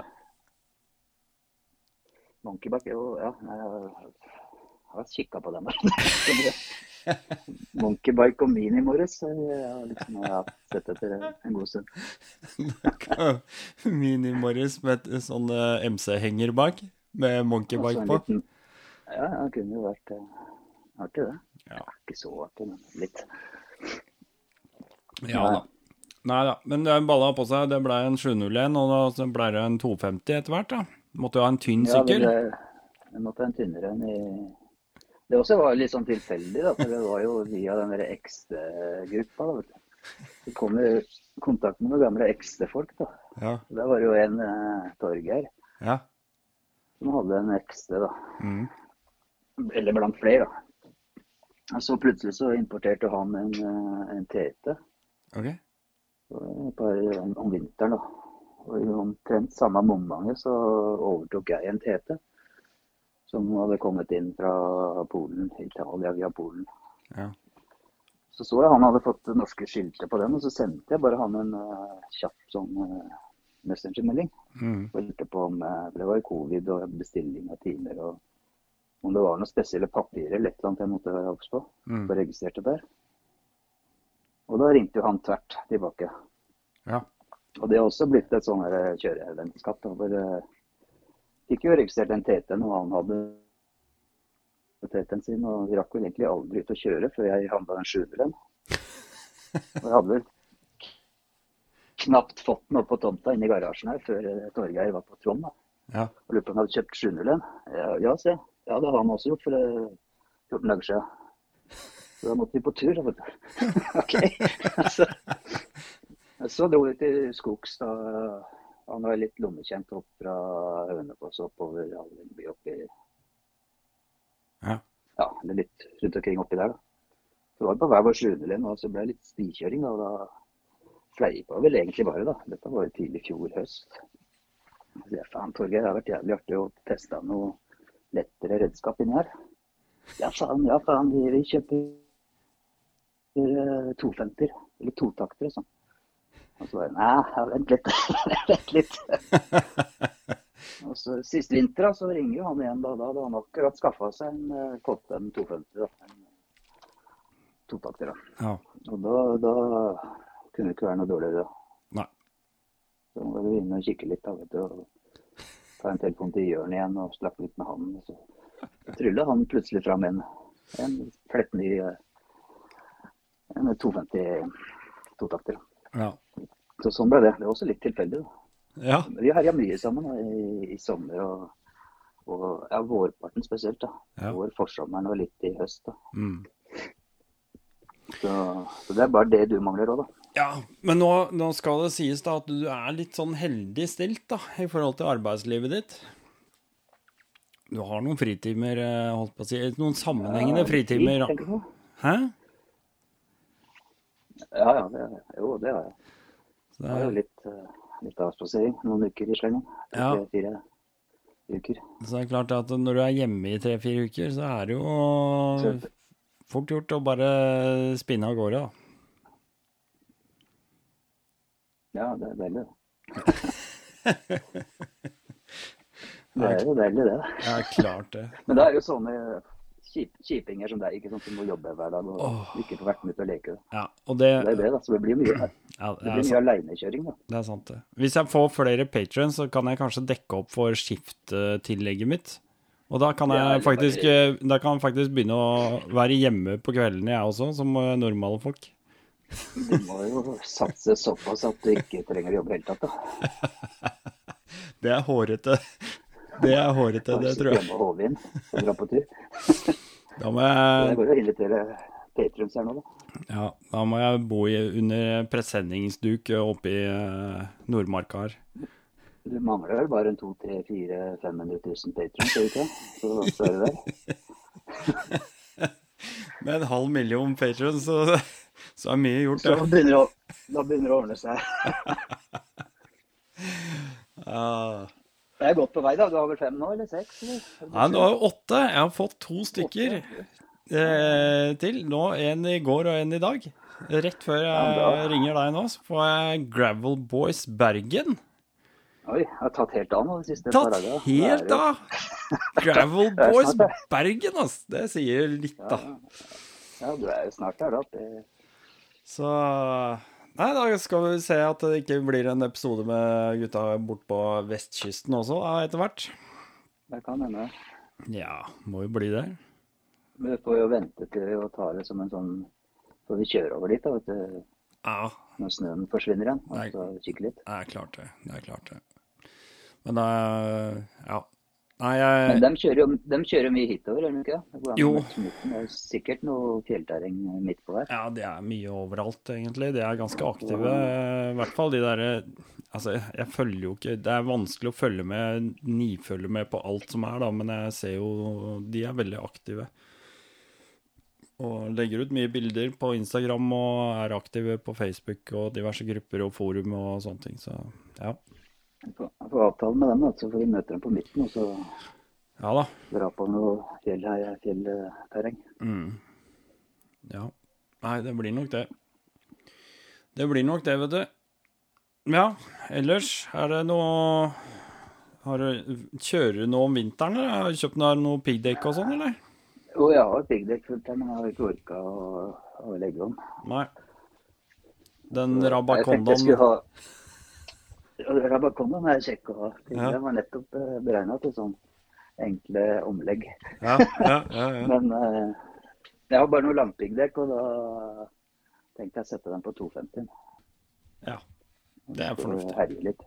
Jeg trenger ikke å kjøre, kjøre til og fra jobb eller dagpendle Nei. med noen piggdekk på. Ja, for det er litt ålreit. Nå har du en grei bil og bare kaste sykkelen rett baki, eller ha den parkert baki til enhver tid for den saks skyld, og bare dra hvor som Ja, helst. det var liksom det var, der, der, var derfor jeg kjøpte sprinter og sånn i dag. da. Mm. Eller det var i påsken i fjor. Det var litt lettere. Ja. Men jeg kunne jo tenkt meg hatt noe sånn der, et sett med Jeg kaller det veipigg, da. Mm. Liggende.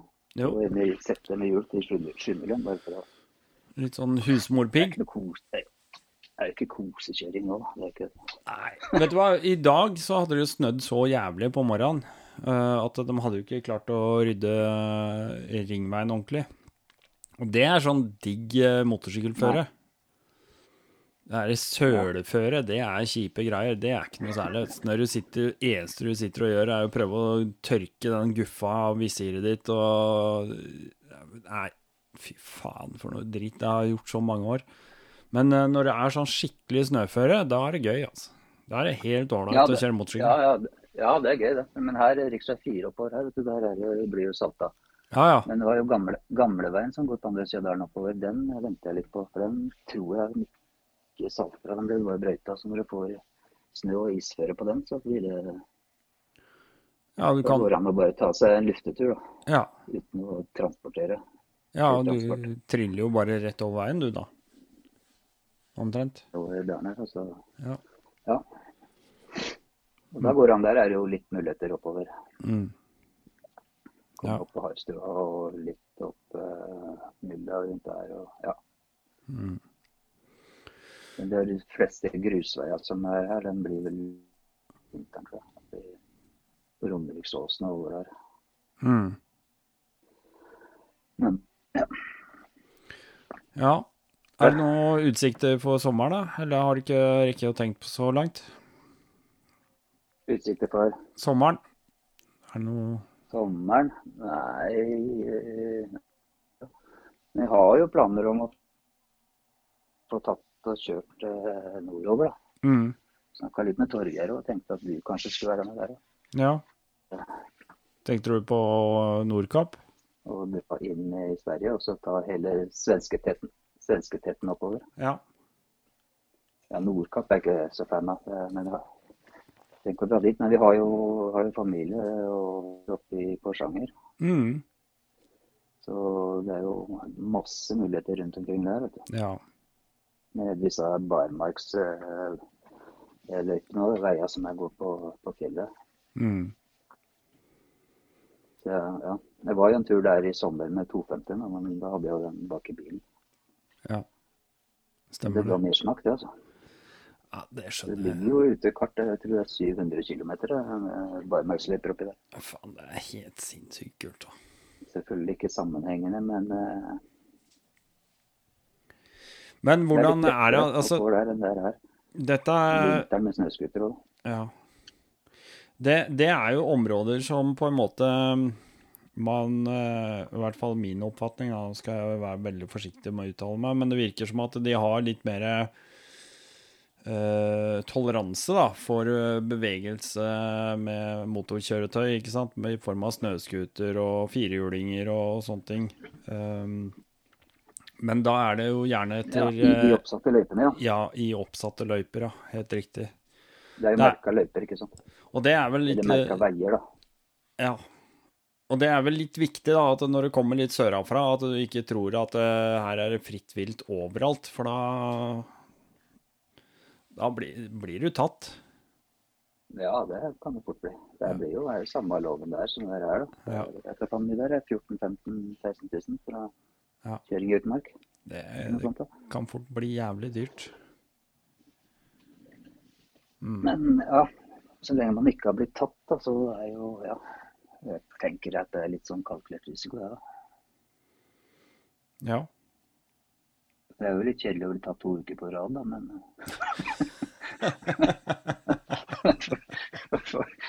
For så roe litt og jobbe litt overtid, da, så tar vi igjen. Uff a meg. Ja. Nei, det er vel Nei, men det er jo sånn med den, altså, Jeg regner med at det er de fleste som hører på her, og er vel eh, primært offroad-kjørere. Ja. Mye, mye grus, og mange, mange herjer vel helt sikkert i skog og mark opp på noen stier og småveier innimellom. Ja. Så de fleste er vel, eh, har vel en sånn kalkulert risiko eh, som svirrer rundt i bakke, tenker jeg. Altså, den grensa er jo rimelig flytende hvis du spør uh, flertallet, da. Ikke sant? Så du, du, har jo, du har jo folk i begge retninger, ikke sant. Noen som holder seg Ja, ja. veldig, veldig inn på riktig side, og så har du de som eh, ikke klarer å motstå av, ikke sant. Så, Det er en bom, eh, så skal ikke den pausseres. Eller jeg vet ikke. Av og til så tenker jeg at man bare låner litt vei. Det kan vel ikke skade så fryktelig som går. Vei som allerede er her, eller Stig, eller Nei, altså hva skal jeg si, ja? Altså Det er veitrafikklov, da. Eh, det er bare å kikke ut av vinduet her i Oslo-gryta, så ser du jo Det er jo Kan jo telle biler på absolutt alle lemmer. eh, folk som bryter veitrafikkloven uti her òg. altså, ja. Ja. Men nei, nei det, nå graver jeg meg ned i en sånn derre kaninhull her. Det blir for dumt. Ja. Men uh, ja, det er kanskje ikke beste plassen fôret å snakke om sånt heller. nei da, nei da. Jeg vet ikke om du har lovens lange arm som Patrion-sang. Nei, eh, hva jeg sier, det får bare bli hva jeg sier. Nei da. Ja, det får komme oss, det får komme oss der. Ja. Det får komme og stoppe hvis det skal bli noe. Ja, Ikke være noe. Men eh, blir det noe innkjøp igjen, da? Innkjøp? Innkjøp? Ja, nå, jeg- ja, nå har jeg kjøpt meg treningsstativ. Pedalstativ. Du har kjøpt Ja? Eller jeg har ikke kjøpt den, jeg skal, han har ikke fått den ennå. Men jeg er på venteliste på e-tråsykkel. ja. Er det tenkte Hvilket merke er det? Jeg husker den Ja. selvfølgelig. det er jo det. Og det må være viktig at jeg, jeg så, så liksom ikke på spekken, da. Nei. Det var- det ikke grommeste, men det var den som var, hadde riktig farger. da. Husker jeg fargene. Som passer inn i lineupen. ja, nå snakker vi. Nå snakker vi. Nei, jeg tenkte det at for når jeg har vært og kjørt eh, på endurosykkelen, Mm. og sammen med Torgeir og litt med Jannis òg, da. Mm. Han har en egen løype på Sokna der. og Mm. Og 70-åringen, han, eh, han gunner på, da. Og Ja. har jo ikke sjans i helvete til å verken uh, puste, da. Vi har tatt på kondisen, og det trodde jeg ikke. Nei. Motorsykkelkjøring og kondisen knekker jeg helt, da. Ja. Så da tenker jeg at jeg må, må må få gjort noe med det. da. Det er utrolig hvor stor sammenheng det har. Ja, det er jo det. Det var et par ganger i sommer jeg bare lå i isbart luft eh, på naturen. Mm. Og Rett og slett eh, panikk. vet du. Panisk prøvde å få av hjelmen. da, for jeg Følte at huet holdt på å sprenges inni der. Mm. Ja, det har mye å si, altså. Ja. Du skal ikke så Det er ikke så veldig mange feilskjæra som skal til på en sykkel eller altså motorsykkel før du begynner å knote og bruke masse krefter. Nei, det holder jo bare med å stå fast i en liten myr eller et eller annet. Ja, altså du tverrer på en liten rot eller et eller annet, og vi begynner å Ja. dra og mekke Ja. Ja, det er jo det. Så ehm, Da merker du det fort. merker det fort, ja. Koker, vet du. Forbanna og varm og sliten og alt på en gang. Nei da, det er nok en fornuftig investering. Det er mange som fnyser litt av de elsykkelgreiene, da. Men det kan jeg bare berolige deg med at eh, du får ganske bra kondis av det òg. Ja da, jeg, jeg tror det. Ja. Jeg sykla hver dag til og fra jobb. øh, Riktignok ikke dritlangt, men mer enn nok til at jeg merka det på den der daglige Altså, det det daglige gjøremålet. Alt blei mye lettere da, bare fordi at jeg sykla til og fra jobb med elsykkel. For at du får pulsen. Ok, Du bruker kanskje Ja, ikke like mye krefter. Du kan jo bruke krefter der òg, for all del. Ja, det kommer jo lenger. Men det er sånn som jeg jobber med nå, som kjøpte seg for han skulle trimme det. og Vi mobba jo han, da. Mm. Skulle begynne å trimme, da. Men du kan ikke trimme med elsykkel, jo, da. Så for da kom han seg ut. Da. Ja. Ja, ja. Han også, jeg også har jo en helt uh, grei, eh, god uh, offroad eller mountainbike stående i boden her, da. Mm. Den er knapt nok brukt, da. Mm. Det er jo litt kjedelig, da. Oppover, oppover og tungt og jævlig. Ja. Da tenker jeg det er greit å ha litt el og så kan heller leke og herje nedover igjen på stia. Mm. Ja, jeg bor i Nittedalen, vet du. Det er jo uansett da, når du skal til skogs, uansett hvor du skal, så er det oppover, oppover, oppover. Mm. Det er jo samme på vinteren på ski òg. Ja. Det er jævlig moro hjem igjen, men eh, Og da blir det en sånn ekstra terskel, da. ja. Gidde å kave opp de bakkene. Ja, nei, det er jeg enig. i. Det er et helvete her jeg bor på Grefsen, vet du. Faen, det er jo uansett Ja, der også, hvis det, du det er så bratt og jævlig. Men jeg trente jo mye før, og da var det liksom å løpe opp til Grefsenkollen, ned igjen, og så opp igjen, og så ned igjen, og, og liksom sånn. Og ja. Så man ja, ja, blir jo i form av det òg, men er det Hvis man skal trene, så er det sikkert bra, men mm, ja. ja. Så gammel nå at jeg orker ikke. Skal ikke bli noe Nei. eliteløper Nei. uansett. Nei. Nei da, men uansett, holde seg på to hjul, det er bra, det. det. Du får trening i balanse og stivalg og en del andre ting i tillegg, så, så det, det er bare en god investering, det. Er det lov å spørre Ja, hvor dyrt dette var, eller? Jeg veit ikke, jeg vet ikke, men det er 49 eller 4900 euro eller noe. Ja. Ja, Så 50 50 000-60 000 blir det. ja. 50-50. Ja. Jeg ikke, jeg tror ikke prisa helt der. for Det var 21-modellen. OK. Husqvarna de, jeg tror de sliter litt som alle andre leverandører nå om dagen med å få tak i deler. og i hvert fall det gjør seg. Mm. Men eh, det var litt uh, litt dårlig med svar å få fra dem. Ja. Han, han trodde vel at de uh, mangla noe underleverandører og noe deler. Jeg vet ikke. OK. Elsykkelgreiene har vel tatt helt av det òg, så Ja, altså Alt som kan gå på batteri nå, det går jo på batteri. Eller er i ferd med å gå over på batteri. Altså alt fra tråsykler til eh, sparkesykler og motorsykler og biler og you name it. det er vel de samme leverandørene der sikkert som har batterier og motorer og Mye av det samme. Mye av det samme, i hvert fall. mye, mye av det samme. Så, Ja. Det er nok det.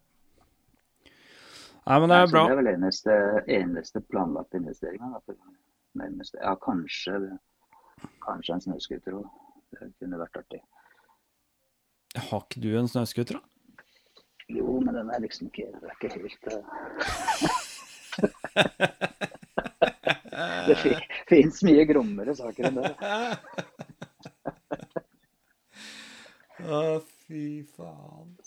Kanskje den der traceren jeg må bøte med Ja, den traceren den skal vel byttes inn i en sånn eh, 901 Norden. Jeg så du drev og svirra rundt. Jeg fikk deg jo på et lite innslag på siste podden her. Du og, du og Torgeir var og snoka rundt nede på Snellingen når jeg skulle snakke med, med Jørn. Ja, det var mest for å kikke litt, da. Ja. Men da måtte jo i så fall gjort et bytte, da. ja. Ja, 901 og 450 eller 501 og ja. 250. Eller ikke. Altså, når du har Huskverna, Huskverna, Huskverna, og så kommer det plutselig en Yama, det blir litt rart. det Står en Yama der, ja. Det er, men det er riktig farge, da. Ja, OK. Ja, greit. Nei, altså, traceren er dritfin, altså. Den er kjempefin. Dus, du, dus blå, nesten huskverna blå. Ja.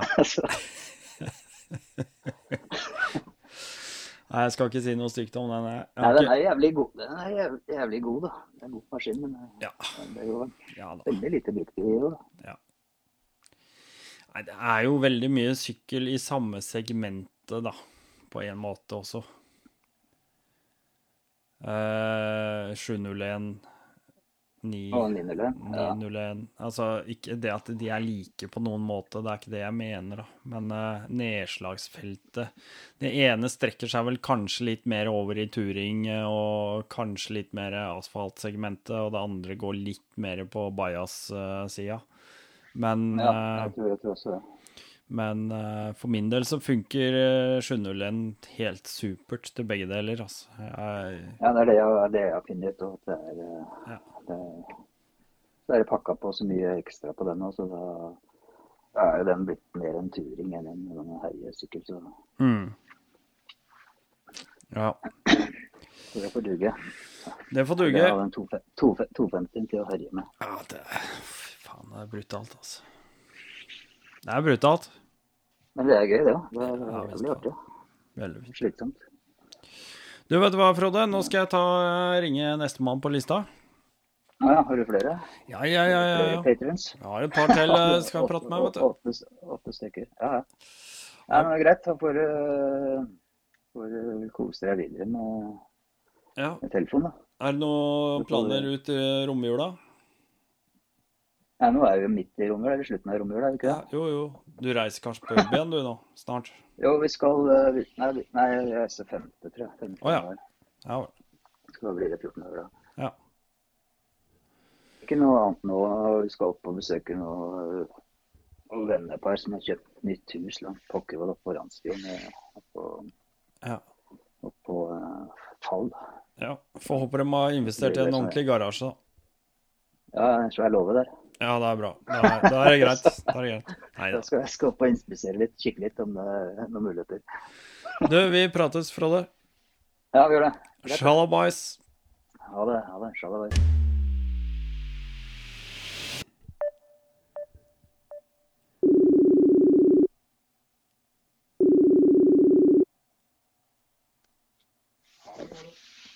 Hallo? Hører du meg? Skal vi se. Nå har jeg deg. Nå hører du meg. Ja, ja. Hei sann, det er Dennis som ringer. Hei, Dennis. Hei. Hvor er jeg kommet nå? Nå har du kommet til Rune Kirkebø. Ja.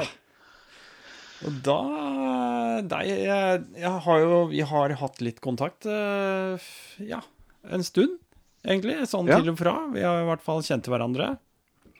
Ja. Så, men det er første gang vi prater sånn som nå. ja. ja, digitalt uh, kjennskap, ja. får du vel si. Varmt og hyggelig. Ja. Ja, det er herlig. ja. Du, eh, skal vi ta så bare sette deg litt på kartet med en gang, Rune? Eh, hvor, eh, hvor holder du til? Jeg bor på eh, Vestlandet. Det er i Førde, en ja. liten by. eh, På kartet sånn ca. midt imellom Bergen og Ålesund. Ja, et fantastisk eh, flekk på vårt eh, langstrakte land. Ja, det er fin eh, Mye natur og mye veier her. Det kan vi vel si. Men eh, eh, jeg sier natur først. jeg, jeg la merke til det. Ja. Ja, eh, For de som eh, måtte ønske å, å se litt mer på akkurat den naturen du omgir deg med, så kan vi jo bare si det først som sist, at du har jo en eh, liten YouTube-kanal som du har lagt ut en del videoer, faktisk. Ja, det, er, det har vært litt slapt der i det siste, men det har sine årsaker. så Det kan jeg forklare mer om senere. Men Runden MC heter kanalen min. Ja.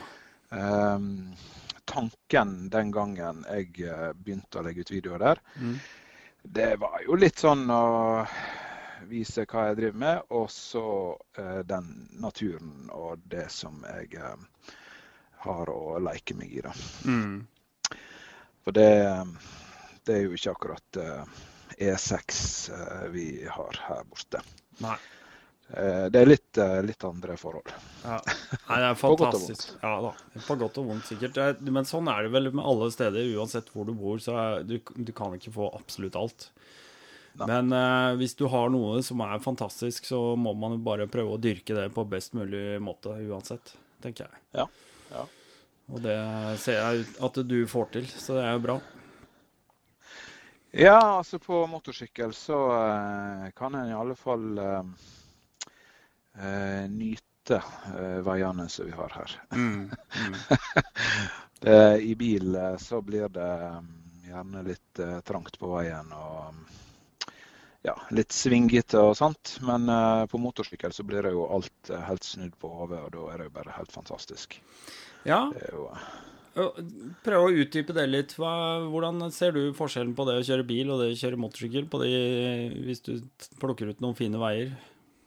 Ja, altså svingete, smale veier eh, som går opp og ned, og, altså over et fjell og inn i en eh, fjordende og ut igjen på andre sida og gjennom en tunnel. Og så er det stor forskjell i naturen eh, bare på å komme inn i en annen dal. Og, altså masse svingete, smale veier der du må med bil så må du stoppe hvis du møter biler og rygge til en eller annen busslomme og sånt. Men Ja. med motorsykkel så gir du bare gass.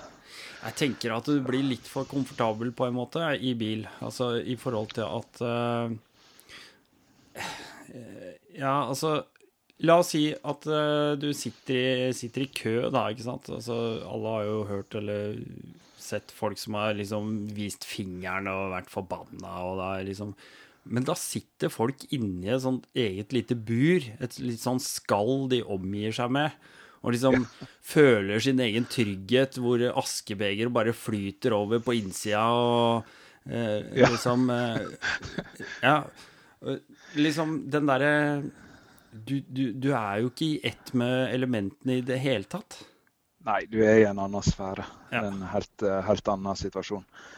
Uh, og det å i det hele tatt å komme i kontakt med folk når du sitter på motorsykkel, det Den der kjemien, eller hva vi skal kalle det, mm. det, det, er noe helt annet. Mm. Det har jeg opplevd mange ganger. Men eh, hvor lenge har du kjørt uh, sykkel, Rune? Eh, det er faktisk ikke så veldig lenge. Jeg eh, hadde jo veldig lyst til å kjøre motorsykkel i 20-åra. Mm. Nå avslører jo jeg at jeg er gammel, da. Men eh, Nei, jeg, jeg Jeg er ikke så gammel. Tror du er yngre enn meg, faktisk. ja, 42 er vel blitt ja. nå. Og jeg tok vel lappen Skal vi se jeg har kjørt fem år, da. Ja, det har jeg. Ja. Jo. Men det er jo Altså, det er bedre enn å ikke kjørt noen ting, da. Ja. Og, og jeg tenker også det at eh, du har jo vært ganske aktiv i fem år, har du ikke det? Jo. Ja. Og det, det, er, del, det, det, det, er litt sånn Nei, jeg tok lappen når jeg var 18, jeg, og det var liksom i eh, 82. Og det hjelper ikke meg hvis du sier at du forteller meg at du, du kjører 1500 km i året, liksom. Da er du ikke motorsyklist. Ja. Jeg skjønner? Det ja, det er litt sånn ja. Det er litt sånn Det er noen forskjeller ute og går her.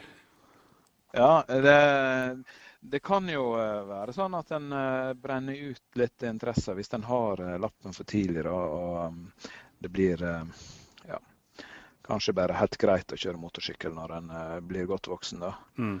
Eh, mot eh, Altså, det, dette er nå litt sånn opp til hver enkelt, da, selvfølgelig. Men eh, for meg så har det i alle fall vært Det er jo familie og litt sånne ting som har eh, på en måte tatt mest av tida. Og så begynner trykket å gå litt ned på eh, heimefronten. Og mm. så begynner en å få mer fritid og sånt. Og da fant jeg ut at nei, søren heller, nå skal jeg ta den der eh, mm. lappen og bare uh, leve ut den drømmen. For det var en, eh, det var en sånn drøm uh, lenge mm. som uh, bare måtte realiseres.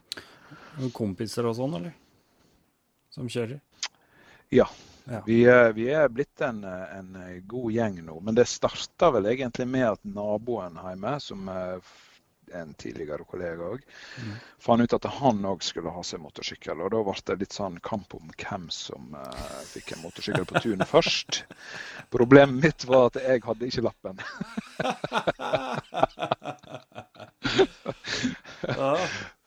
Så jeg tror han, eh, han, slo meg med en måned eller noe sånt. Ja. Eh, da fikk han sykkel på tunet, og så hadde jeg eh, sykkelen min en måned etterpå det. Og ei uke etter det igjen så hadde jeg lappen. Ja. Hva slags sykler er det du har hatt? Eller har? Um, ja, jeg har per nå Per nå så står det um, fire motorsykler hjemme, men uh, to av dem er ungene sine. da. De er heldige. Ja. ja. Uh, så jeg har en uh, Africa Twin 2019-modell. Mm. Den som heter Adventure Sports. Mm.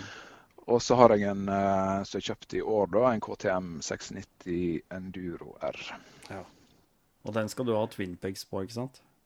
Ja, selvfølgelig. selvfølgelig. jeg måtte bare ja. Det, det, må jeg bare si. Jeg eh, kjøpte Til Afrika Twin så kjøpte jeg sånne pivot pegs. Ja, ja du veit sikkert hva det er. Mm. Uh, og de, de, var veldig gode. Jeg blir litt sånn sliten i ankelen uh, etter en stund, men det er jo stor flate og, mm. og godt å kjøre på. Og sånt. Mm. Og så fikk jeg 690 og så tenkte jeg Uh, her må jeg iallfall større pegs på.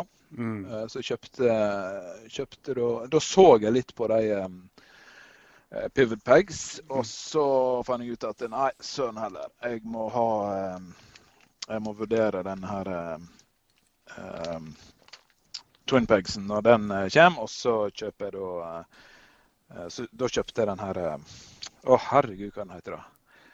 Rally. eh, Den største til Ja, originale Ja. ja, ja. Rallypeggen, ja. rallypeg. Mm.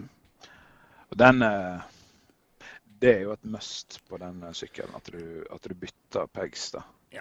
Jeg syns nå i hvert fall det, uansett om du ikke har på twin pegs eller noe sånt, nå, få på noen som er breiere, som stikker litt lenger ut. Fordi i hvert fall på 700-delen så opplever jeg at den er litt sånn eh, det er litt, eh, Den er litt brei over salen, sånn at mm. du får liksom ikke ankla tett nok innpå, på en måte. Ja. Mm.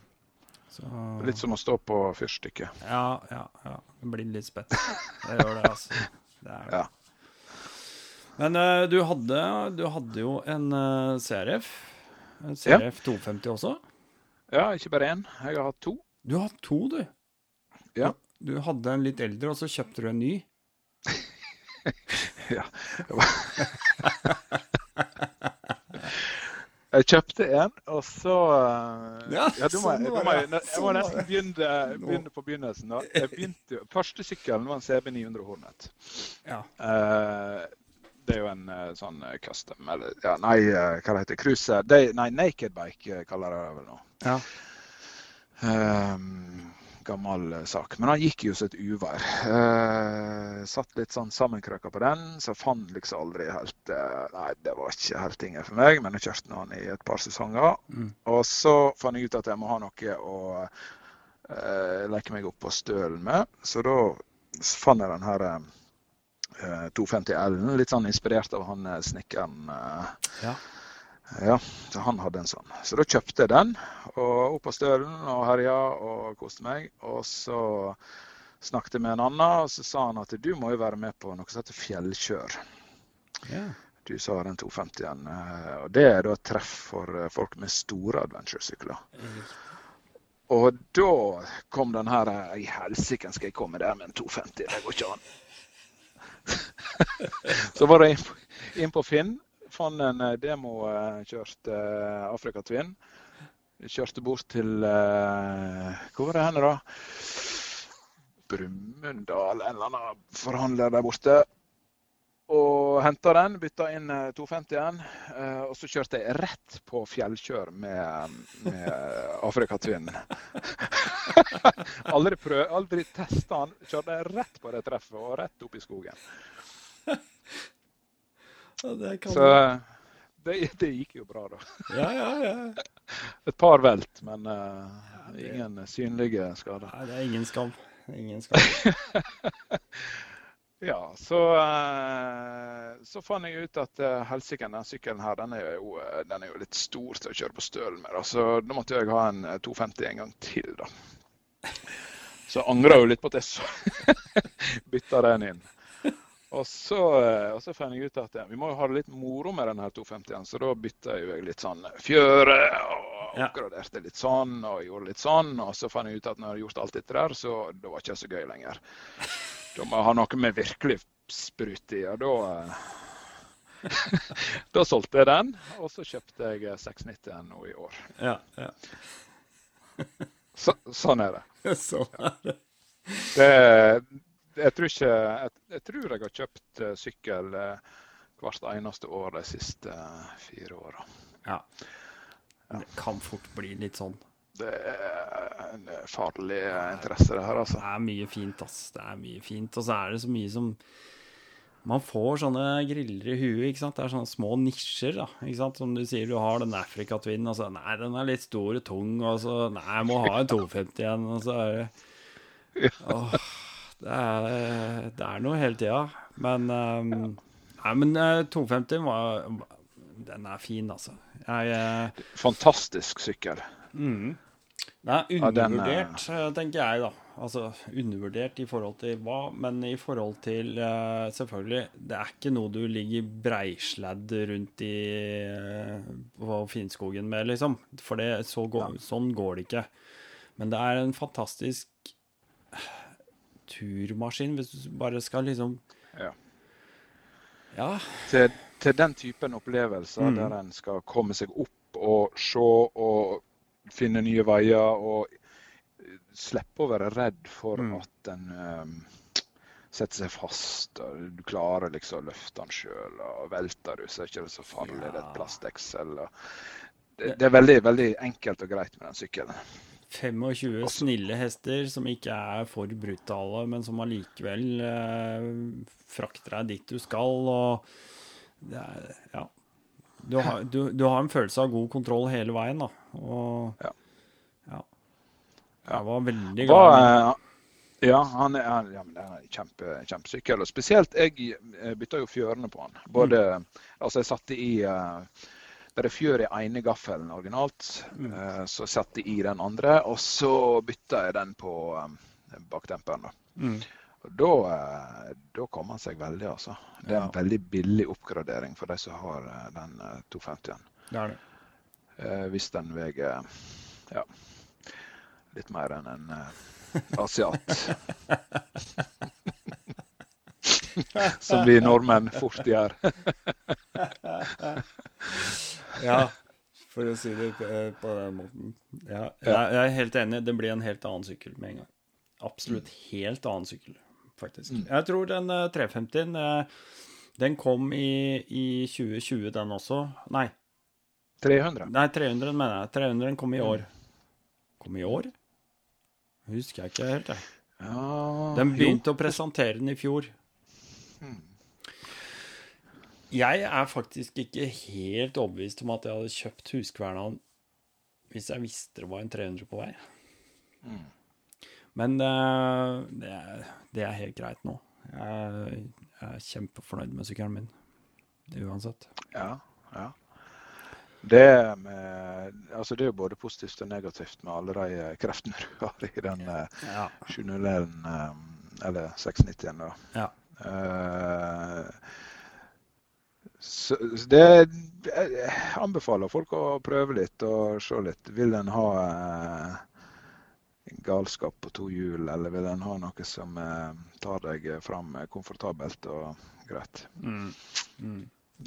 det er litt der, altså. ja det, det kan kreve litt mer erfaring, selvfølgelig. Mm. Sånn sett er 250 en mye bedre nybegynnersykkel, i hvert fall. Det er ikke noen tvil om. Mm. Jeg så jo hun eh, nederlandske Itchy Boots. Itchy Boots, ja. Ja. Hun kjørte jo gjennom hele Sør-Afrika med den der, eller sør, sørlige delen av Mm. Afrika, er det vel. Mm. Det gikk jo stort sett greit. Hun knakk noe, noe greier. Jeg har ikke sett bagasje Ja. mm. Nei, eh, framma bak knakk jo, da. Å ja. Og, ja. Men det var ikke Altså, sykkelen gikk, og eh, hun Ja. var jo med på et sånt rally, da. Ja, ja, ja, stemmer. Men hun kom seg fram. Ja, Det gikk så bare søren. ja, ja. Nei, det er mange som har, eh, har kjørt de 250-ene rundt verden nå, altså. Det er mange som har vært på tur med de. Ja.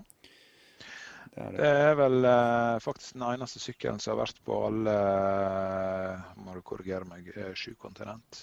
Hvis du teller med Antarktis. Å, ser du det? Mm. Hvem har vært på Antarktis? Det er en sånn eh, engelsk eh, Berthe. Å ja.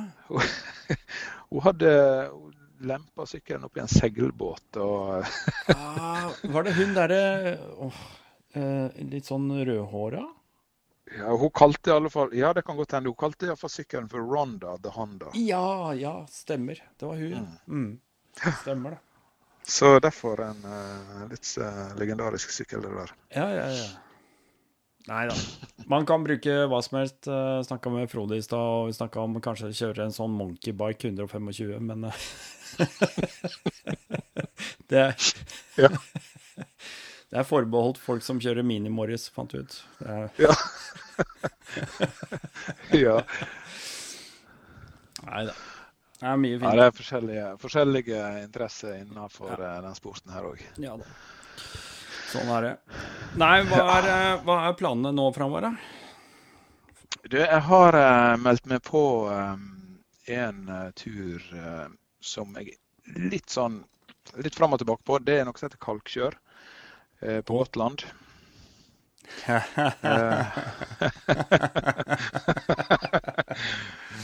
Eh, og for å komme bort dit, så må jeg kjøre Afrikaen, tenker jeg.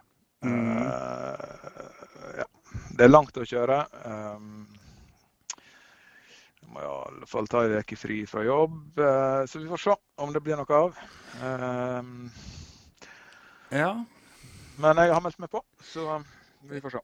Jeg håper du har eh, fått sveisa sånne ekstra veltebøyler på den sykkelen din. Jeg, satte på det største buret til uh, Outback Nei, hva heter det? Outback uh... Ja, Motortech. Ja. Mm. Ja. Så eh, Nei da, vi får se. Men eh, jeg har en liten følelse av at vi må prioritere andre ting. Ja. Jeg, jeg, jeg snakka jo akkurat med Markus Christensen her uh, for en episode siden. Mm. Uh, han var jo og kjørte Gotland uh, Grand National. Og mm. som jeg sa til han, det er eh, altså det glatteste som fins i hele verden, det er kalkstein. Eh, det, er, det er egentlig bare én ting uh, som er glattere enn kalkstein. Og, det, Ja. og det, er, det er egentlig bare våt kalkstein. ja. ja. Ja. Det, det skal bli spennende. Kan ta deg en tur på NAF øvningsbane først, og høre om du får lov til å slenge Afrikaen utpå der en tur først.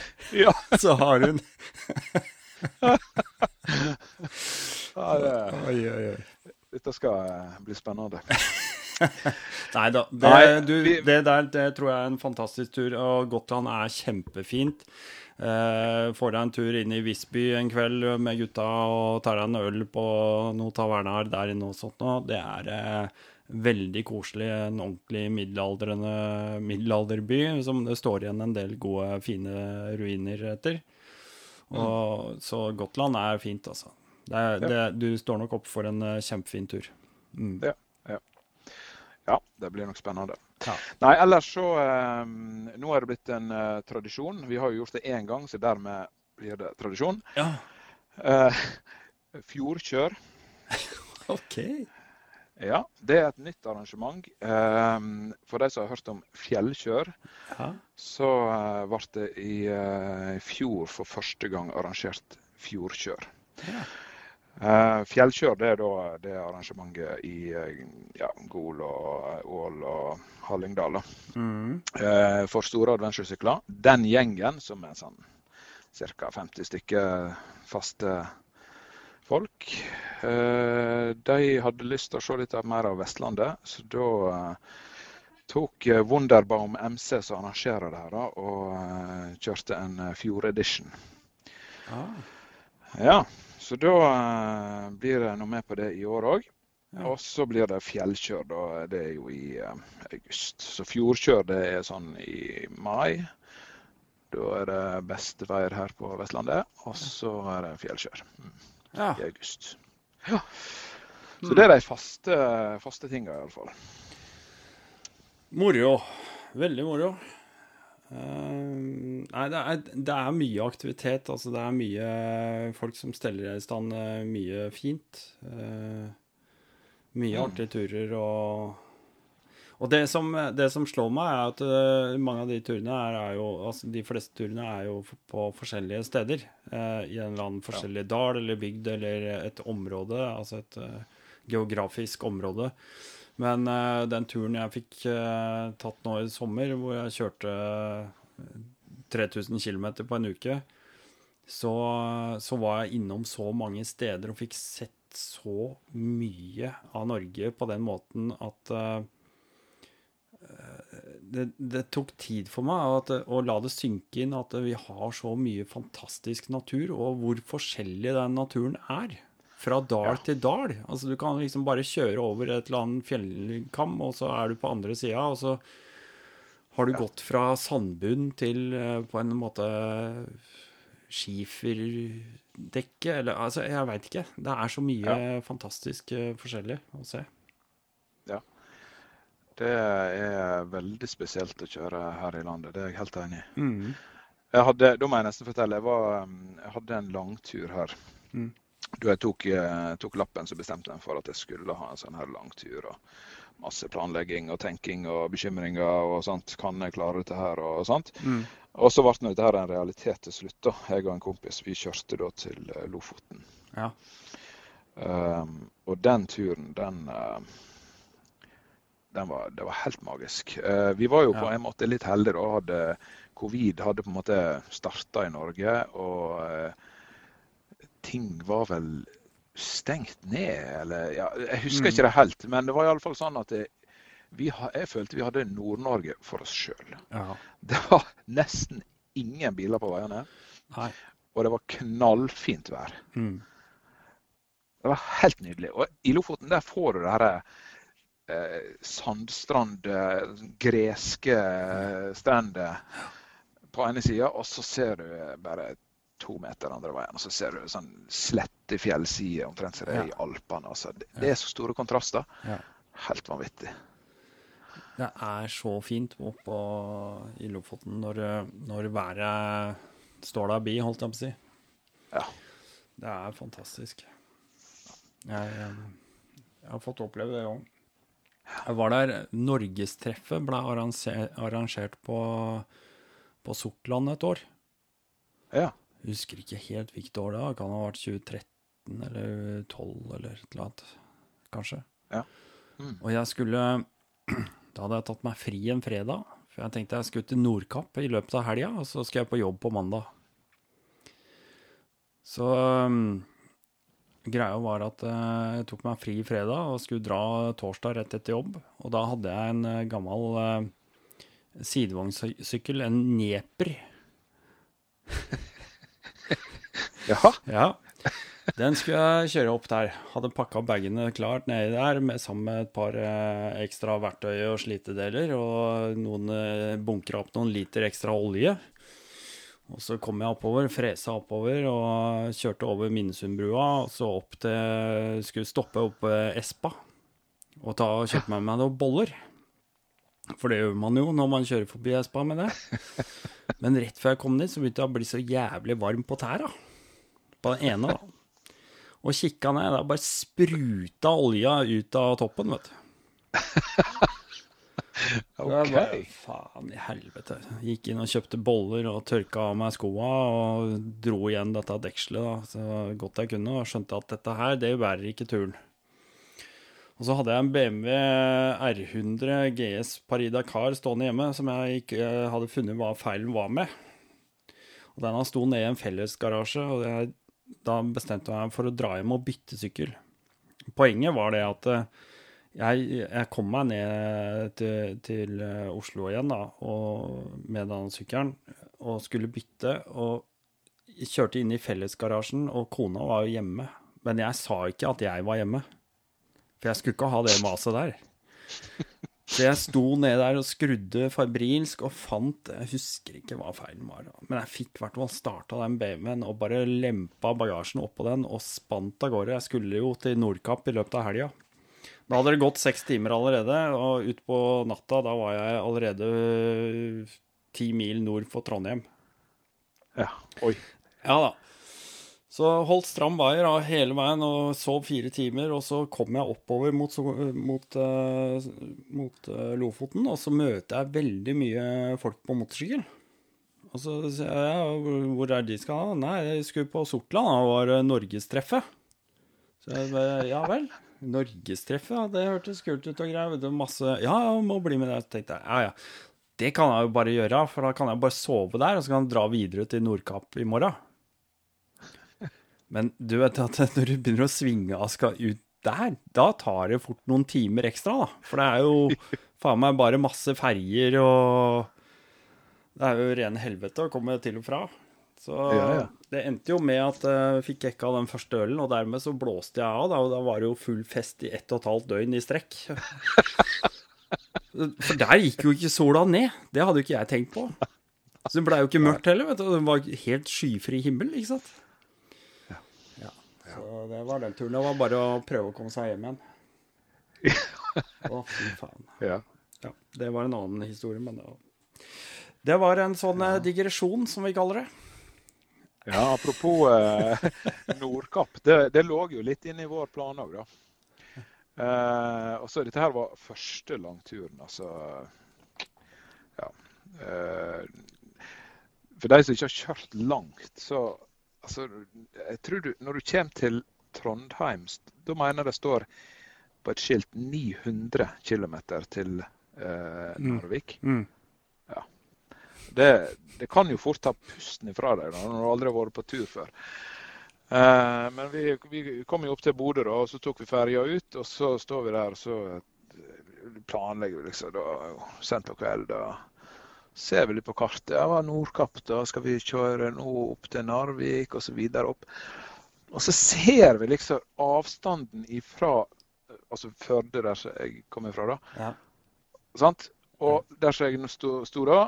Og så Da piner jeg like langt opp til Nordkapp. Ifra der jeg sto til Førde. Ja. Da var vi bare halvveis. Ja. Og da Nei, vet du hva, nå, vi bruker tida i Lofoten. Så vi, da var vi i Lofoten en, en tre-fire dager. Ja. Bare fikk maks ut av det, og så kjørte vi ned igjen. Ja. Og det angrer jeg ikke på, for da, da, fikk vi på en måte sett alle disse her litt spesielle plassene. Og... Nei, det...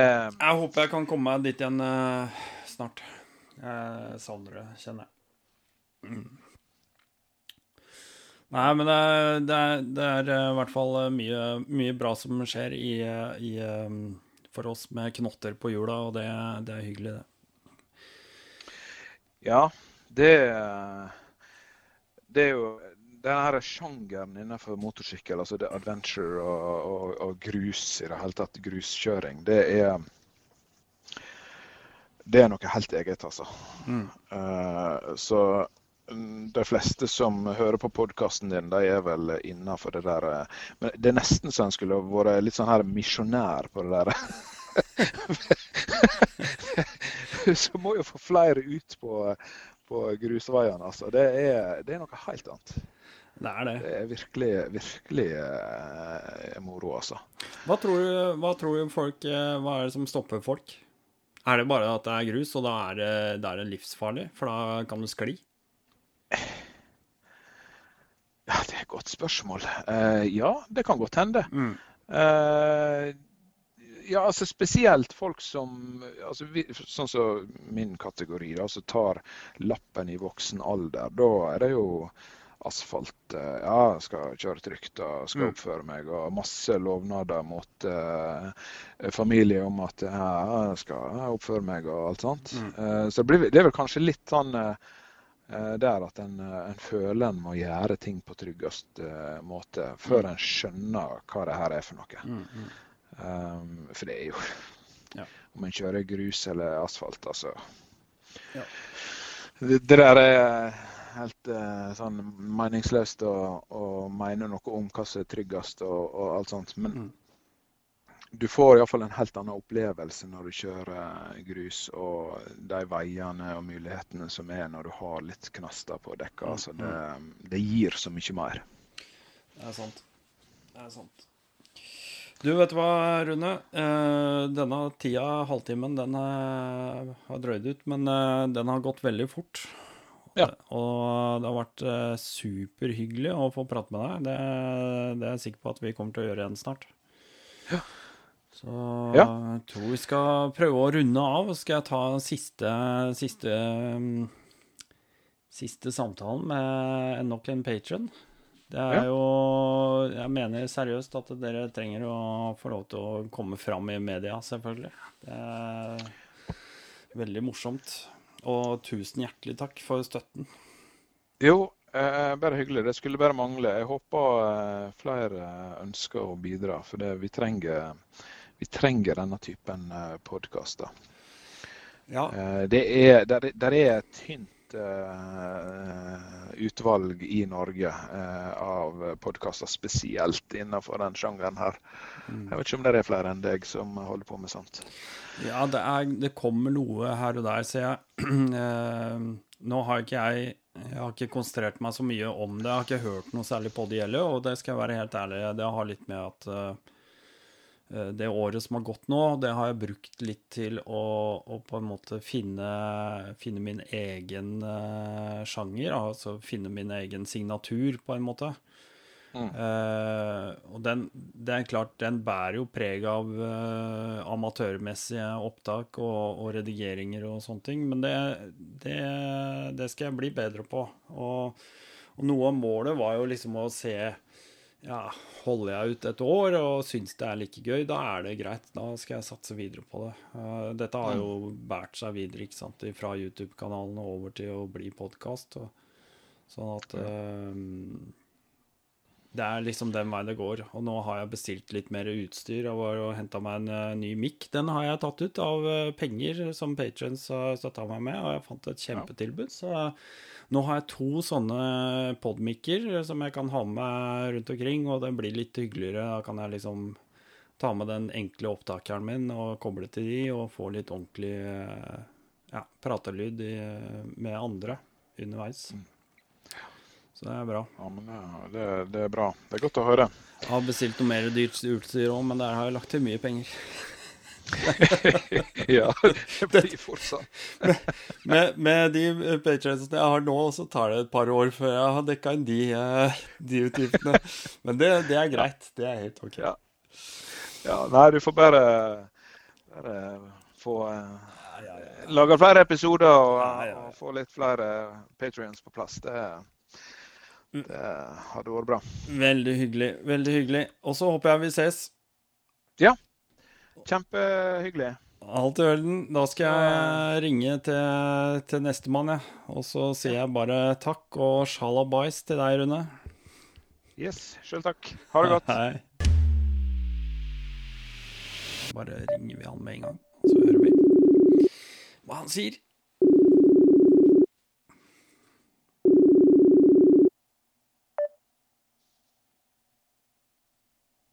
Hallo. Okay. Hallo. Hallo. Hei sann, det er Dennis. Hei. God dag, god dag. Jo, hjertelig. I like måte. Hvem har vi kommet til nå? Vi har kommet til Pål Svennevig. Ja. Hei, Pål Svennevig. Vi har, uh, vi har egentlig møttes før, vi. Det har vi, vet du. Ved et par samlingerstilfeller. Ja, det har vært det. Og nå er du her, da, i uh, Rally Nords uh, romjulsprat. Ja, ikke sant? Du, du fyller uka med meningsfulle samtaler. Ja, det kommer an på hva dere har å si, det, da. Ja, ikke sant. Nei, jeg tror eh, første gang jeg møtte deg, Pål eh, Jeg tror nok vi har, vi har nok vært i, i, eh, i, nærheten av hverandre før òg, men jeg tror første gang jeg virkelig møtte deg, det var vel jeg var hjemme hos deg og kjøpte noe dekk. Eller hent, avhenta noe dekk?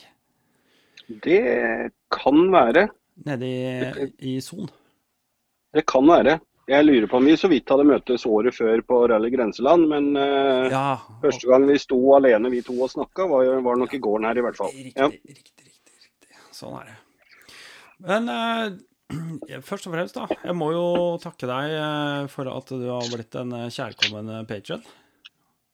Jo, bare hyggelig. At du holder ut med denne her litt eh, lavoktan-podkasten jeg prøver å, prøver å, drive her. Ja, det, ja, det, det er det er ikke alltid jeg rekker å høre i tide, sånn, så det blir litt i utide. Men jeg syns at det var, er et godt prosjekt å støtte litt. Så det er ikke så mange patrions uh, jeg er med på, men det, det syns jeg det er verdt. Og det takker jeg veldig for. Jeg kan bare si at jeg har vært og henta en ny mikrofon i dag. Så eh, da veit du at de penga har gått til det. Så deilig. Ja, det er veldig deilig. For da har jeg to skikkelige eh, mikker som jeg kan ta med meg rundt omkring og snakke med folk. Så det er gøy. Ja. Det er veldig, veldig kjekt med én på intervjuobjektet og én til seg selv.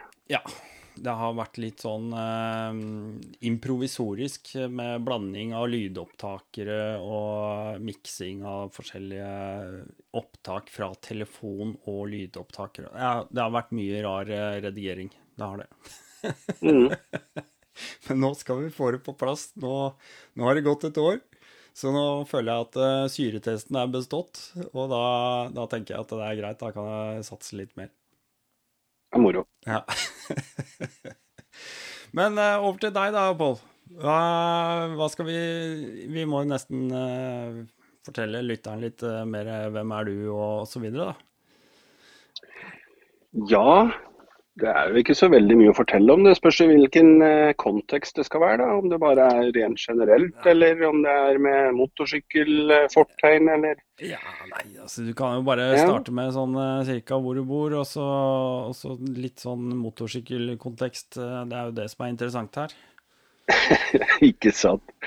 Nei, jeg bor i Son, eh, som sagt. Eh, snart elleve år har vi bodd her nå. Ja. Så kone og to barn i, i Son. Mm. Trives godt her. Ja.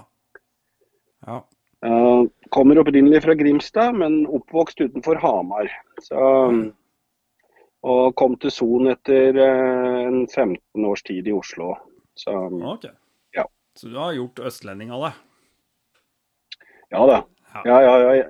Sånn sett, uh, når jeg sier kommer fra Grimstad, så er det familien. Jeg bare, det er så vidt jeg rakk å bli født, og så har det Hedmarken. Riktig.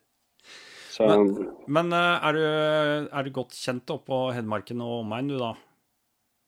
ja, godt kjent. Det ble, alt, alt eh, er relativt. Altså I nærområdet der jeg vokste opp, Mm. der er jeg selvfølgelig veldig godt kjent. Mm. Men, eh, men eh, jeg har ikke hengt på Finnskogen f.eks. I det hele tatt nesten, før motorsykkelbasillen tok overhånd. Nei. Så det eneste Finnskogen som har eksistert før det, er jo eh, gjennomreise med bil, ikke sant. Mm, mm. Eh, og heller ikke spesielt kjent eh, oppe på Øyefjellet og, og sånne ting, men eh, en del kjent i Trysil-området og sånne ting. Men det er jo klart, alle sånne ting henger jo med, sammen med hvor, hvor reiste man, hvor oppholdt seg man i, eh, i eldre ungdomsår og tidlig voksen, ikke sant. Ja, ja. Så um, jeg har ikke kjørt motorsykkel lenger enn siden eh, 11. Nei. Så, um, så ja, men eh, noen områder på Østlandet så er jeg godt kjent. Og, og synes det er, jeg syns det er veldig spennende med, med Østlandet. Det er mye uoppdaga. Både i det området vi bor, men også da lenger øst og litt lenger nord. Det er ikke, det er ikke sånn at man må dra vestover i, i Norge for å finne fine områder. Nei, og, og nå i uh, sommeren som var nå, så fikk jeg anledning til å ja, ikke sant? Man blir jo innesperra, da, ikke sant? Pga. coviden og stengte grenser og alt mulig, så man må liksom uh, holde seg innaskjærs. Og da eh, Jeg hadde en god del turer nedover i Østfold. Altså, jeg kaller det Østfold, jeg, for det er Viken eksisterer ikke inne i huet mitt. Men uh, i gode, gamle Østfold og nedover, uh, ikke sant? Ja. Uh, og, og det er sinnssykt mye fine steder nedi der, altså. Det er så mye fint. Ja, Virkelig. Det Og de er lure, de er lure østfoldingene. De snakker ikke så høyt om alle disse fine plassene de har. Nei, de gjør ikke det, vet du. Så alle snakker om Finnskogen, så drar alle til Finnskogen, vet du. Men så er jo Østfold ser jo faen meg klin likt ut, nesten. Ja, det er utrolig mye fint i Østfold, og ikke minst hvis du er glad i vassdrag og Ja.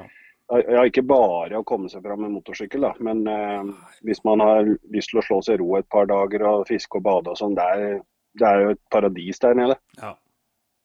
Det er det. Det er det. Virkelig. Nei, det, um, nei og det, det er litt som du sier, da. De, sier, de er litt sånn hysj-hysj, da. Så du må nesten bli kjent med en østfolding, vet du, hvis du skal finne de bra plassene der nede. Ja, Det er ikke sikkert det hjelper det heller, for de tar for gitt at det du vet om alle plassene. vet du, så De sier ikke noe da heller. Nei, Nei, nei. Det er akkurat det. Ja, ja. Nei, men uh, når um, Ja, i 2011 da har du hatt uh, lappen i drøyt ti år, da. Uh, men uh, Ja.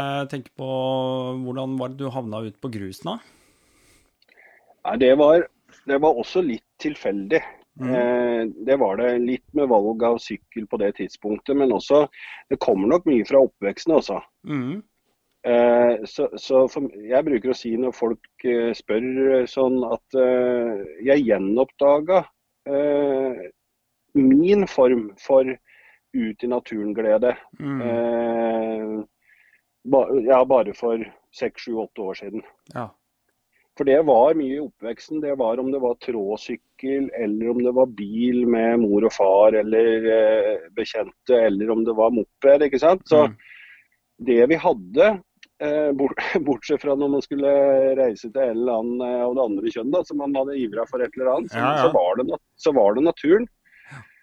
Um, og det, det forsvant mye for meg eh, sånn 18-19-årsalderen. Så var det jeg, jeg har også drevet med musikk i mange år, og da, da tok liksom alt det over, samt slutten av utdannelse osv. Så, videre. så jeg har ikke vært så veldig interessert eh, i de åra mellom 18-19 og opp til eh, over 40, egentlig, i, i den eh, naturopplevelsen. da. Mm.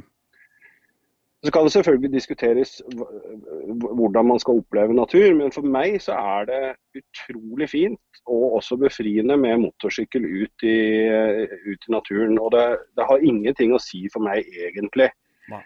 om det er asfaltvei, eh, fin grusvei, rotete grusvei eller tospor traktorsti eller virkelig en sti.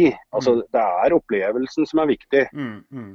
Eh, og hvor man kommer, og hva, hva opplever, man, eh, opplever man på veien. Og, og hva har man tid til å stoppe og, og bli ved. Og, ja, ja, det er det som er fint. Mm. Og der er eh, ja, der, ja, der har jeg fått noen flere eurekaer også med, med Østlandet de siste åra. Ja, og jeg tenker at uh, de som sier at du ikke kan nyte naturen når du kjører motorsykkel, uh, tar jo egentlig litt feil, for de har antageligvis da ikke kjørt motorsykkel i naturen sjøl. Og det er jo liksom Det- det første jeg kan ta dem på. Det er liksom Har du kjørt motorsykkel i naturen, siden du sier det? Um, det er jo en kombinasjon av det å oppleve naturen, det å kjenne frisk luft og det å kunne holde på å si stoppe opp der man eh, føler for. Det kan godt hende at du kan gå i tre uker for å komme til akkurat det punktet hvor du brukte tre timer på, ikke sant, på en motorsykkel. Ja. Og, og du kommer til steder som, eh, som du ikke hadde kommet til fots. eh, og, Ja. Og så har du en kombinasjon av det og mestringsfølelse. For det, er en viktig del av det å kjøre motorsykkel på, på slapt underlag. ikke sant? Det er mestringsfølelse. Ja. Og- alle mennesker trenger en dose mestringsfølelse helst hver dag, ikke sant. Ja, ja. Så Eh, det er, det er kombinasjoner av det hele da, som, eh, som skaper den pakka. Og så har du det samholdet, da. ikke sant? Eh, Jeg liker å kjøre aleine noen ganger, men det er klart det er hyggelig å være sammen med folk. Du har den sosiale biten og en, eh, en arena der. Ja, absolutt. Men jeg tror nok det også er litt at, at vi trekker fram det, det tror jeg er mye fordi at de som har lignende interesse, Mm. av en eller annen snodig grunn, så er det jævlig mye bra folk. Ja. Eh, jeg har til gode å treffe noen som jeg ikke eh, eh, kunne tenke meg å snakke med igjen, i hvert fall. Altså, Ja, ja. Selvfølgelig finnes det forskjellige grader av personligheter, men fortsatt ikke truffet noen som jeg ikke kunne tenke meg å snakke med igjen. Nei. Ehm, og det er, det er unikt. og Jeg tror, jeg tror det er eh, jeg tror det er fort gjort det at eh, man ja, man ser ned på andre miljøer osv. Men også, men når man ser, ser på hva vi beskriver med frihetsfølelse på motorsykkel nå, da, så er det jo lett å forstå at eh, andre mennesker kan oppleve lignende frihetsfølelse på alle mulige rare måter. Og det ære være. Det må bare folk fortsette med. Mm.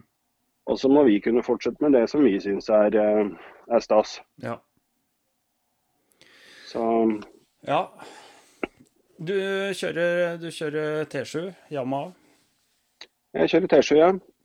Den, eh, det er jo en fantastisk fin sykkel, da. Ja, jeg er veldig happy.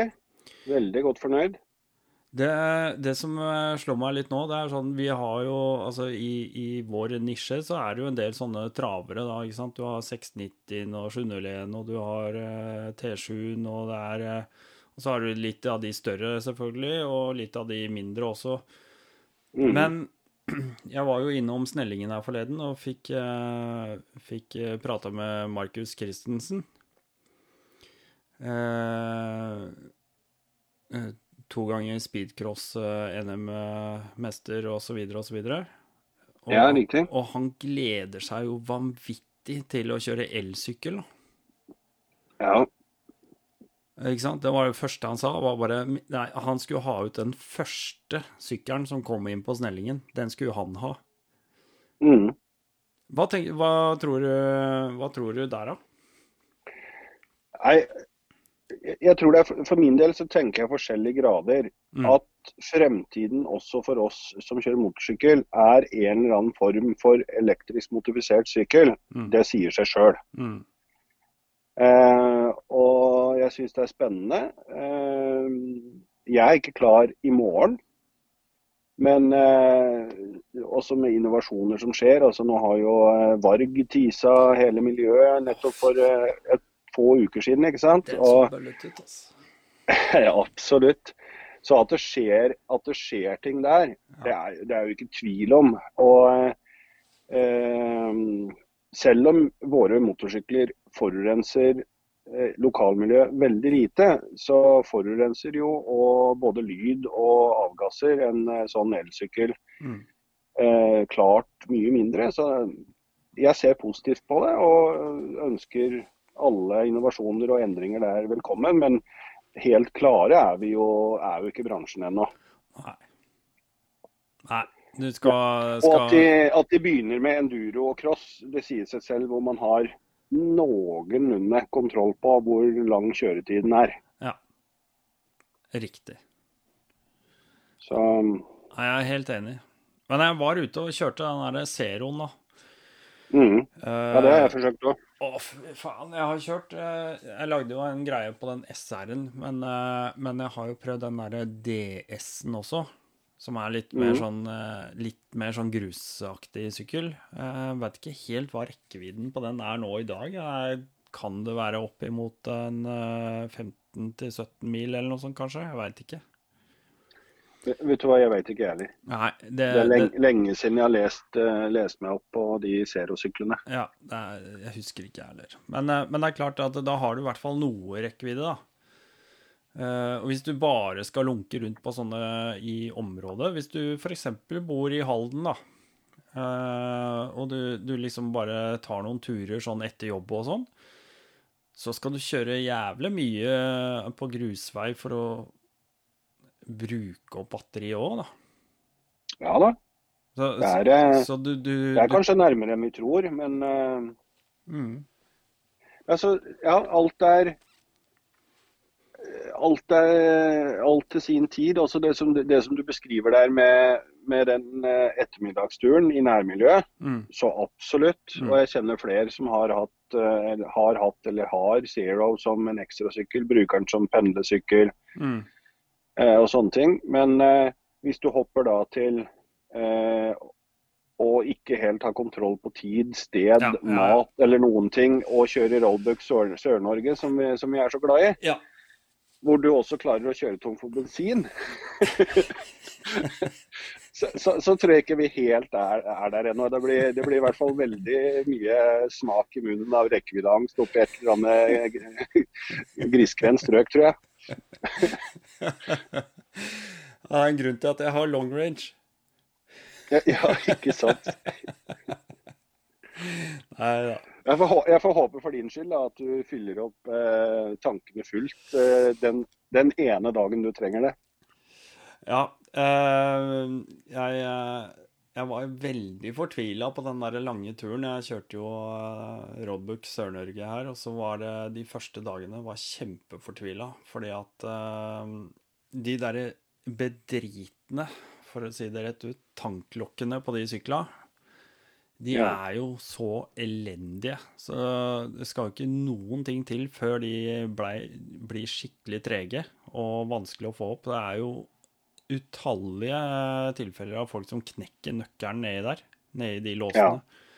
Ja. Og jeg fikk jo ikke opp den uh, bakre. Og det tenkte jeg ok, det er greit at jeg ikke får opp den bakre, for det, det har noe med vektfordeling å gjøre. Så har jeg bensin foran, så er det i hvert fall det bedre. Men, Mm. men, eh, men da fant jeg ut For jeg hadde prøvd masse forskjellig spray. Eh, men så måtte jeg bare gi det et forsøk til. Jeg sto på en bensinstasjon, og så tenkte jeg jeg må gå inn her og kjøpe noe annet. Så så jeg en annen spray. Da kom jeg over en sånn uh, Turtlewax uh, PTFE låsspray Mm. med PTFE. Vet du hva? Da gikk de eh, låsene som bare det. Ja, PTF Så- løser mye, den. Så, så det var egentlig bare ment som et tips til de som sliter med låser av den uh, sorten der, holdt jeg på å si. Prøv noe med PTFI, så kanskje det løser det som har vært et problem hele veien. Mm. Hva tror du årsaken til problemene der er? Er det finstøv fra sand og sånn som setter seg, eller? Ja, du vet, det, de er så teite, de tanklokka. Og, og, og det ligger såpass dypt ned, så hver gang du spyler sykkelen f.eks., så renner det vann inn i låsen. Ja. Mm. Uh, og hvis du har litt støv eller annen uh, møkk uh, i området der, så tar det vannet med seg det støvet og den møkka i tillegg ned i låsen. Mm. Det er vel det som er grunnen til at overdrevet sagt, nær sagt alle bytter tanklokk, Mm. ikke minst bak på 701 Ja. ja. 690 sin. Ja, Mm. jeg skal det, jeg også. Jeg har bare ikke fått gjort det ennå. Men det får bli med planen. En av, en av de tingene som står på lista. Du vet, eh, når du kjøper en sykkel, så, så koster ikke den sykkelen bare 140 000. Eh, nei.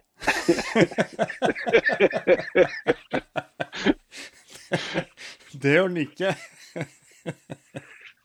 Det er sjeldent. Åh, ja, det er håpløst. Det er akkurat det derre med Kona sa til meg at eh, altså, hun syns den 901 er så innmari fin. Og så sier hun at sånn må du ha, sier hun. Ja, det sa du jo om long range nå. Ja, men, ja, ja, men den her var mye finere. Ja, men jeg kan ikke, kan ikke drive og bytte sykkel hvert år, vet du, når jeg har kjøpt en kliss ny sykkel. Og så innen du har rulla ut av butikken, så har den tapt seg 20 000 i verdi. Og så kjøper du utstyr for x antall ja, sifra Ja. 1000 i tillegg. Og så skal du begynne å Mm. selge. Du får ikke en dritt igjen for det ekstrautstyret, vet du. Nei, du må, du må rekke å føle gleden Ja. med det utstyret først. Sånn at, eh, at, du, at det ikke gjør så vondt i affeksjonssåret når, eh, når sykkelen skal ut porten. Nei. øh, Fytti rakkeren. Så kjøpte jeg jo en sånn fin TTK uh, rallykontroller også, da, ikke sant? som var liksom Mhm. Akkurat for den sykkelen. Altså 690 701 nå. Og den kan jeg jo ikke flytte over heller. Så det var jo veldig dumt, da. Jeg burde ha kjøpt en universal, antagelig. Men jeg ser Jo, veldig det kan, du kanskje, det kan du kanskje si, men samtidig så er jo det er jo så sjelden vare, det som vi sitter på der. Så at du, når du hvis om at det dersom at den dagen kommer at 701 LR må gå ut døra, så kan du jo plukke av den og sende den for Ja nesten det du ga. Og, Ja. Og så trygger du på dine knær for å få kjøpt en, eh, en universal. Ja da. Nei da. Det Jeg spiller det bare litt opp, selvfølgelig. Det er Mm. sånn det er. Det er sånn det er. Ja, men eh, nå Du kjører ikke noe nå? Nei, jeg stort sett ikke vinterkjører. Og det, det er litt fordi at eh, jeg kjører såpass mye i sesong at uh, for meg så er det sunt med en liten pause. Det gjør det at uh, Mm. det aldri blir kjedelig å kjøre sykkel. Mm. Ja. Uh, så, så det er litt viktig for, viktig for min del. Så noen småturer blir det og sånn, men jeg, jeg er ikke sånn som driver og vinterkjører. Og så syns jeg heller ikke at det, vi he, helt har forholdet til det. Da, da, må vi, Ja. da må vi egentlig opp på Ringsakerfjellet nærmest. Ja. For å få skikkelig snøveier, og, og, og da er det jo skikkelig gøy. Mm. Jeg er helt enig. Um, Jeg er helt enig. I dag morges hadde det gått an. jeg får se hvordan det blir. Er- Svigers har hytte oppe i Engerdal, Trysil, så det, der er det jo flott av sånne veier. Så kanskje, kanskje en dag så blir det satt en liten sykkel eh, i vedskjulet der oppe. Man får se. Ja. Ja, det er, eh, det er moro. Jeg skulle, mange ganger skulle jeg ønske jeg bodde på et sånt sted. Det som er Jeg tror kanskje litt av aber er Jeg også sitter litt sånn på henda nå fordi at jeg ikke kjører om vinteren så, sånn lenger. Men eh, eh, Og kona holder jo på å bli gæren, ikke sant. For jeg blir jo helt sprø. Det er ikke i vinterhalvåret, for da skjer det ingenting. Og, men, men så tenker jeg liksom Ja, hadde du bodd da for eksempel nå på Finnskogen, da, bare for å Veldig enkelt eksempel. Da kunne du hatt en sånn sykkel, og så kunne du kjørt hele året på ordentlig snøføre og med langpigg og hatt det gøy da, rett utafor døra. Mhm. Men, men samtidig så kommer jo både våren kommer seint, og høsten kommer tidlig, da. Ja. Ikke sant? Gjør det. Så det er litt sånn Det er noe til og fra der òg. Ja, da, det, er, det er alltid noe, ikke sant. Mm. Det er det. Selv så er jeg glad for at jeg bor omtrent i det området jeg gjør. Så skulle jeg hatt noen ønsker, så skulle jeg bodd lenger syd, og da hadde ikke landet hett Norge lenger. Nei, det er sant nok. Det er Eh, helt enig Men uh, det er nok ikke realiserbart akkurat nå. Nei. Nei, det er ikke det, altså. Men uh, sydover hadde vært uh, hyggelig, det. altså. Jeg kunne godt hatt litt mer varme. Det hadde ikke gjort meg noe. Men, Ja, jeg er helt enig. Jeg er en eh, sånn fyr som i- klarer meg helt fint uten vinter, er vel en diplomatisk måte å si det på. ja. Ja. ja. Er det noen planer for neste år? Ja, det er, begynner å forme seg noe. Mm. Uh, selv om en kompis og jeg koste oss veldig på Roadbook Sør-Norge i år, så fikk vi ikke kjørt hele. Mm. så det er så definitivt en plan om å få kjørt, begynt å kjøre noe tidligere der. Mm. Eller eventuelt ha nok tid til å kjøre hele i en runde. Mm. Eh, tipper at det å kjøre litt tidligere og kjøre, sette det opp i etapper er mer eh, gjennomførbart. Mm. Eh, og så har vi en plan om eh, en tidagers tur på ja, hovedsakelig asfaltveier. Eh, nedover i Tyskland. Altså ingen mål, men Rin, Rindalen eller Frankrike eller Ja. vi skal, ikke, vi skal ikke opp i Alpene, fordi er tanken, for vi reiser såpass tidlig at uh, det er ikke fritt der ennå. Så Nei. det er mer bare opp, opplevelse og, og sette rette framhjulet etter værmelding og himmel. ja. Det er deilig. Ja, jeg tror det. Hvis, hvis vi har lovt hverandre at vi skal ikke lage noen ruter før den dagen, altså den dagen vi starter. Og det eneste som egentlig er bestemt, er at vi, vi starter med Kiel-ferja. Rett og slett for at vi gidder ikke å starte med transport. Nei. Når du har Ja. gjort den x antall ganger eh, og kjørt ned og tatt Øresundbrua, så, så er det ikke Det er ikke dritspennende. Og ikke bare det, men når du kjører nedover eh, langs eh, kysten i Sverige Fy faen, og det blåser av og til. Ja, noe så grenseløst. Det kan blåse altså noe så sinnssykt. Det ligger jo liksom i holdt på å si 35 graders helling, vet du. Ja. Og kjører rett framover. Nei, jeg gidder ikke å starte med det. Eh, det kan hende vi tar den siden eller, eller drar inn på småveiene hvor det jo er dekket litt mer av skog da, eh, opp, på veien opp igjen. Men eh, nedover så, Mm. Så starter vi med Kiel, og så begynner vi med småveiene allerede da. Mm. Vi, vi skal ikke traktorere nedover noe, eh, autobahn, liksom. Så vi prøver, prøver å oppleve litt, da. Og ja. være helt åpne på ja, kanskje Kanskje det rett og slett er eh, stans klokka tre i dag, for her denne vesle byen var jo hyggelig. Ja, ja, ja. Oh. Ja. Nei, det er det som er ferie, ass. Det er, det er da man eh, slapper av. Ja, ja absolutt. Mm. Så, og så kan man jo krysse fingra. Kanskje det er ørlite grann mer varme enn det er her på det tidspunktet òg. Vi får se. Ja. Ja. Så ja, det planene er jo så, i så elende. Og så selvfølgelig noen ovale helger og Mm. eh, ja, kjøre litt Telemark og, og kjøre litt eh, Rørosområdet. Og ja, nå får vi se hva Robux Sør-Norge tropper opp med for 2022, da. Men eh, det, Mm. blir, det blir sånn. Ja. Cirka der. ja. Nei, men det er bra. Det høres bra ut. Vi satser og krysser fingra på at det blir en uh, god sommer for alle, og at man uh, får fine turer, i hvert fall. Det er duket Ja, for det. ja, absolutt. Absolutt. Jeg tror uh, vi skal runde av denne ju- romjulspraten, jeg. Du var uh, sistemann på lista mi, Pål. Jo, det kan vi gjøre, vet du. eh, nå har vi vært gjennom eh, Gjennom flere her. Så fire stykker. Ja, Så hyggelig. Det har vært eh, veldig bra. Eh, Det blir fire timer med podkast, det da. Nei, ja, jeg har prøvd å roe ned litt. da, Det blir kanskje drøyt to. Men eh, Ja. ja, syns du forresten det må jeg For det, nå driver jeg litt sånn Nå driver jeg og prøver å finne hvor er balansegangen her. Jeg har jo sagt at jeg driter i hvor lang tid det varer osv. Men er det lurt, det? Eller burde jeg egentlig bare dele det opp litt mer? Nei, jeg, jeg tror at på podkast så, så handler det mer om tempo og innhold enn det handler om faktisk lengde. Ja. Så, så jeg tror jeg tror at man finner totimerspodkaster som er altfor lange. Ja. Og så finner man totimerspodkaster som er helt klart for korte. eh, og og det, det, er jo litt, det er jo litt sånn kunsten, da. ikke sant? Men, men du også vet jo når du snakker med en som, som, som både kan å fortelle og har noe på hjertet. Ja, ja, ja.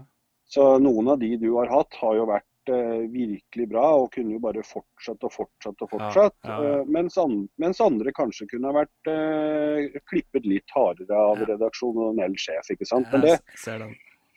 og, eh, ikke sant? Får du, slem, får du slippe en femmer på Ole Kristian en gang til, ikke sant? så er det jo, det er jo vanvittig moro å høre på. da. Ja. Og, eh, eh, som har drevet med så mye rart innen enduro og alt mulig rart. ikke sant? Og det er jo først når du får slippe på den femmeren at faktisk historiene begynner å komme. Ja. Det er sant. Så jeg tror det er rom for begge deler. altså. Jeg ser eh, Jeg hører en del på podkast, og det er flere også av de som er, holdt på lenge og som er dyktig, som rett og slett ikke skulle vært lagd. Eh, Og så er det noen som er for korte. Mm. Så Nei, det blir jo veldig veldig individuelt av hva folk tenker og føler om det også, selvfølgelig.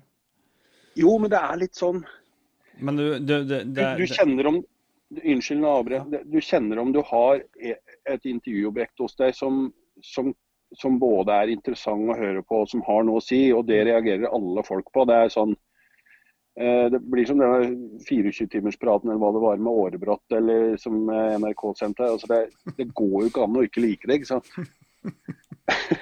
Selv om, selv om, man, selv om noen hater fyren, så Når noen er så flinke til å snakke for seg, da, da blir jeg engasjert. Kanskje ikke nok til å se eller høre alt, men det kan man ikke forvente av alt hele tiden heller, tror jeg. Nei, det er eh, Og det, du har veldig rett i det du sier, altså. Det er eh, Nå, nå kaster jeg ikke eh, mynt på noen her, men, men det er klart at det, man Det derre Det båndet man må opprette med den man snakker med, da. Det er jo jævla viktig, ikke sant? At det ligger en eller annen slags connection der. Og at man liksom er litt på bølgelengden, eh, på en måte. Ja, Det er veldig Absolutt. viktig. Altså. Og det er veldig tungt å være podcast-host hvis du føler at du må trekke ut ord. Altså hvis du, Ja, ja. Ikke sant? Hvis du spør om en ting, og så får du bare sånn kort svar. Da er det bare sånn Å Ja, ja, over på neste spørsmål, eller skal vi prøve å spinne videre på det? Altså, det er dritvanskelig. Noen ganger. ja det er kjempevanskelig. Og da, da, da, må du, eh, da må du eventuelt være streng etterpå, da. Og, og se det at eh, nei, det her ble Ja, kanskje det ble en ti minutter, da. Ja. ja, kanskje. Nei, jeg skal, prøve å, jeg skal prøve å ta det med meg. Jeg håper at jeg kan, eh, etter et års erfaring nå, så håper jeg at jeg kan gjøre litt bedre valg, valg framover, i hvert fall. Ja, nei, men det syns du har gjort uh, veldig mye godt, det, altså. Så, Ja, da takker jeg bare for det. Ja, det er nydelig. Du, jeg eh, ønsker deg fortsatt eh, god romjul, jeg, Pål, og så runder vi av med den. Det gjør vi i riktig god romjul fortsatt. Og så ses vi plutselig til neste år, tenker jeg. Det gjør vi, vet du. Greit, det. Ha det bra. Nydelig. Ha det godt. Hei. Yes, dere. Det var eh, fire av mine patrons. Eh, tusen hjertelig takk for eh, de som deltok. Det var altså da Tor Holm Ellefsen. Vi hadde Frode Johansen. Vi hadde Rune Kirkebø og Pål Svennevig. Tusen hjertelig takk for at dere tok dere tid til å være med på denne episoden. Og Jeg vil også huske å takke. Jeg har fått et par nye patrons også, så nå tar vi like godt eh, hele smala. Takker alle patrons. Frode, Rune, Thor, Ruben, Pål, Morten, Geir og ikke en person, men Gravel Boys Bergen, dere. Det er kult. Ehm, gå gjerne inn hvis du har lyst til å være med. Uh, støtte podkasten. Link finner du selvfølgelig nede i shownotes. Og eh, en ting til. Når du velger, så husk det, da, at eh, hvis du velger den som heter Rally 50 eller Rally 100 Altså du har Rally 25, Rally 50 og Rally 100. Hvis du velger av de to største øverst på hylla, 50 og 100, da får du også en link til en helt egen podkast som heter Rally Nord Patrons. Der legger jeg alle uncut-versjonene, så hvis du er hypp på å få litt mer godis og litt mer kjøtt på beinet, så får du det der. Rally 25, da er du med og støtter, og jeg takker for det bidraget stort, selvfølgelig. Eh, koster deg så en eh, på Rema 1000 kan du gå og kjøpe en eh, bare øl eh, for den prisen. Eh, hvis du har råd til å donere en slik i måneden, så setter jeg selvfølgelig pris på det. Jeg skjønner at det blir mye mas om patrions, men eh, sånn er det altså. det er den måten jeg kan få litt grann kroner inn. Tusen hjertelig takk for at du hørte. Uh, kommer masse mer spennende episoder. Følg med, følg med, og husk å abonnere. Gå inn der hvor du hører eh, på, på podkast. Eh, hvis du er på Apple Podcast, eller hvis du hører på Spotify. Spotify nå, eller på nyåret mm, De får eh, altså en tjeneste der du kan gå og gi ratings. Det har de altså på Apple Podcast, og der kan du gi stjerner. Inntil fem stykk. Og du kan skrive en liten omtale. Så hvis du gjør det, så er du med og løfter min podkast fram i lyset. Det vil si at de folka som eh, sitter og bare skummer etter, etter en eller annen episode å høre på, de eh, kan plutselig få et hint om at eh, her har du Rally Nord-podkast, den kan du høre på. De har fått mye Der er det mye bra stjerner. Eller omtaler. Så det er også veldig viktig. Så om du ikke støtter med kroner eller øre, så hvis du tar litt tid og bruker det, det som en støtte, så gir det mye tilbake, det òg. Um, ehm, skriv til meg. rally.nord at eh, gmail.com, eh, podkast og eventuelt emne du måtte ha på hjertet, eh, så skriver jeg fort og sporenstreks tilbake. Og da mm, kan det jo bli noe ut av det. OK. Takk skal du ha.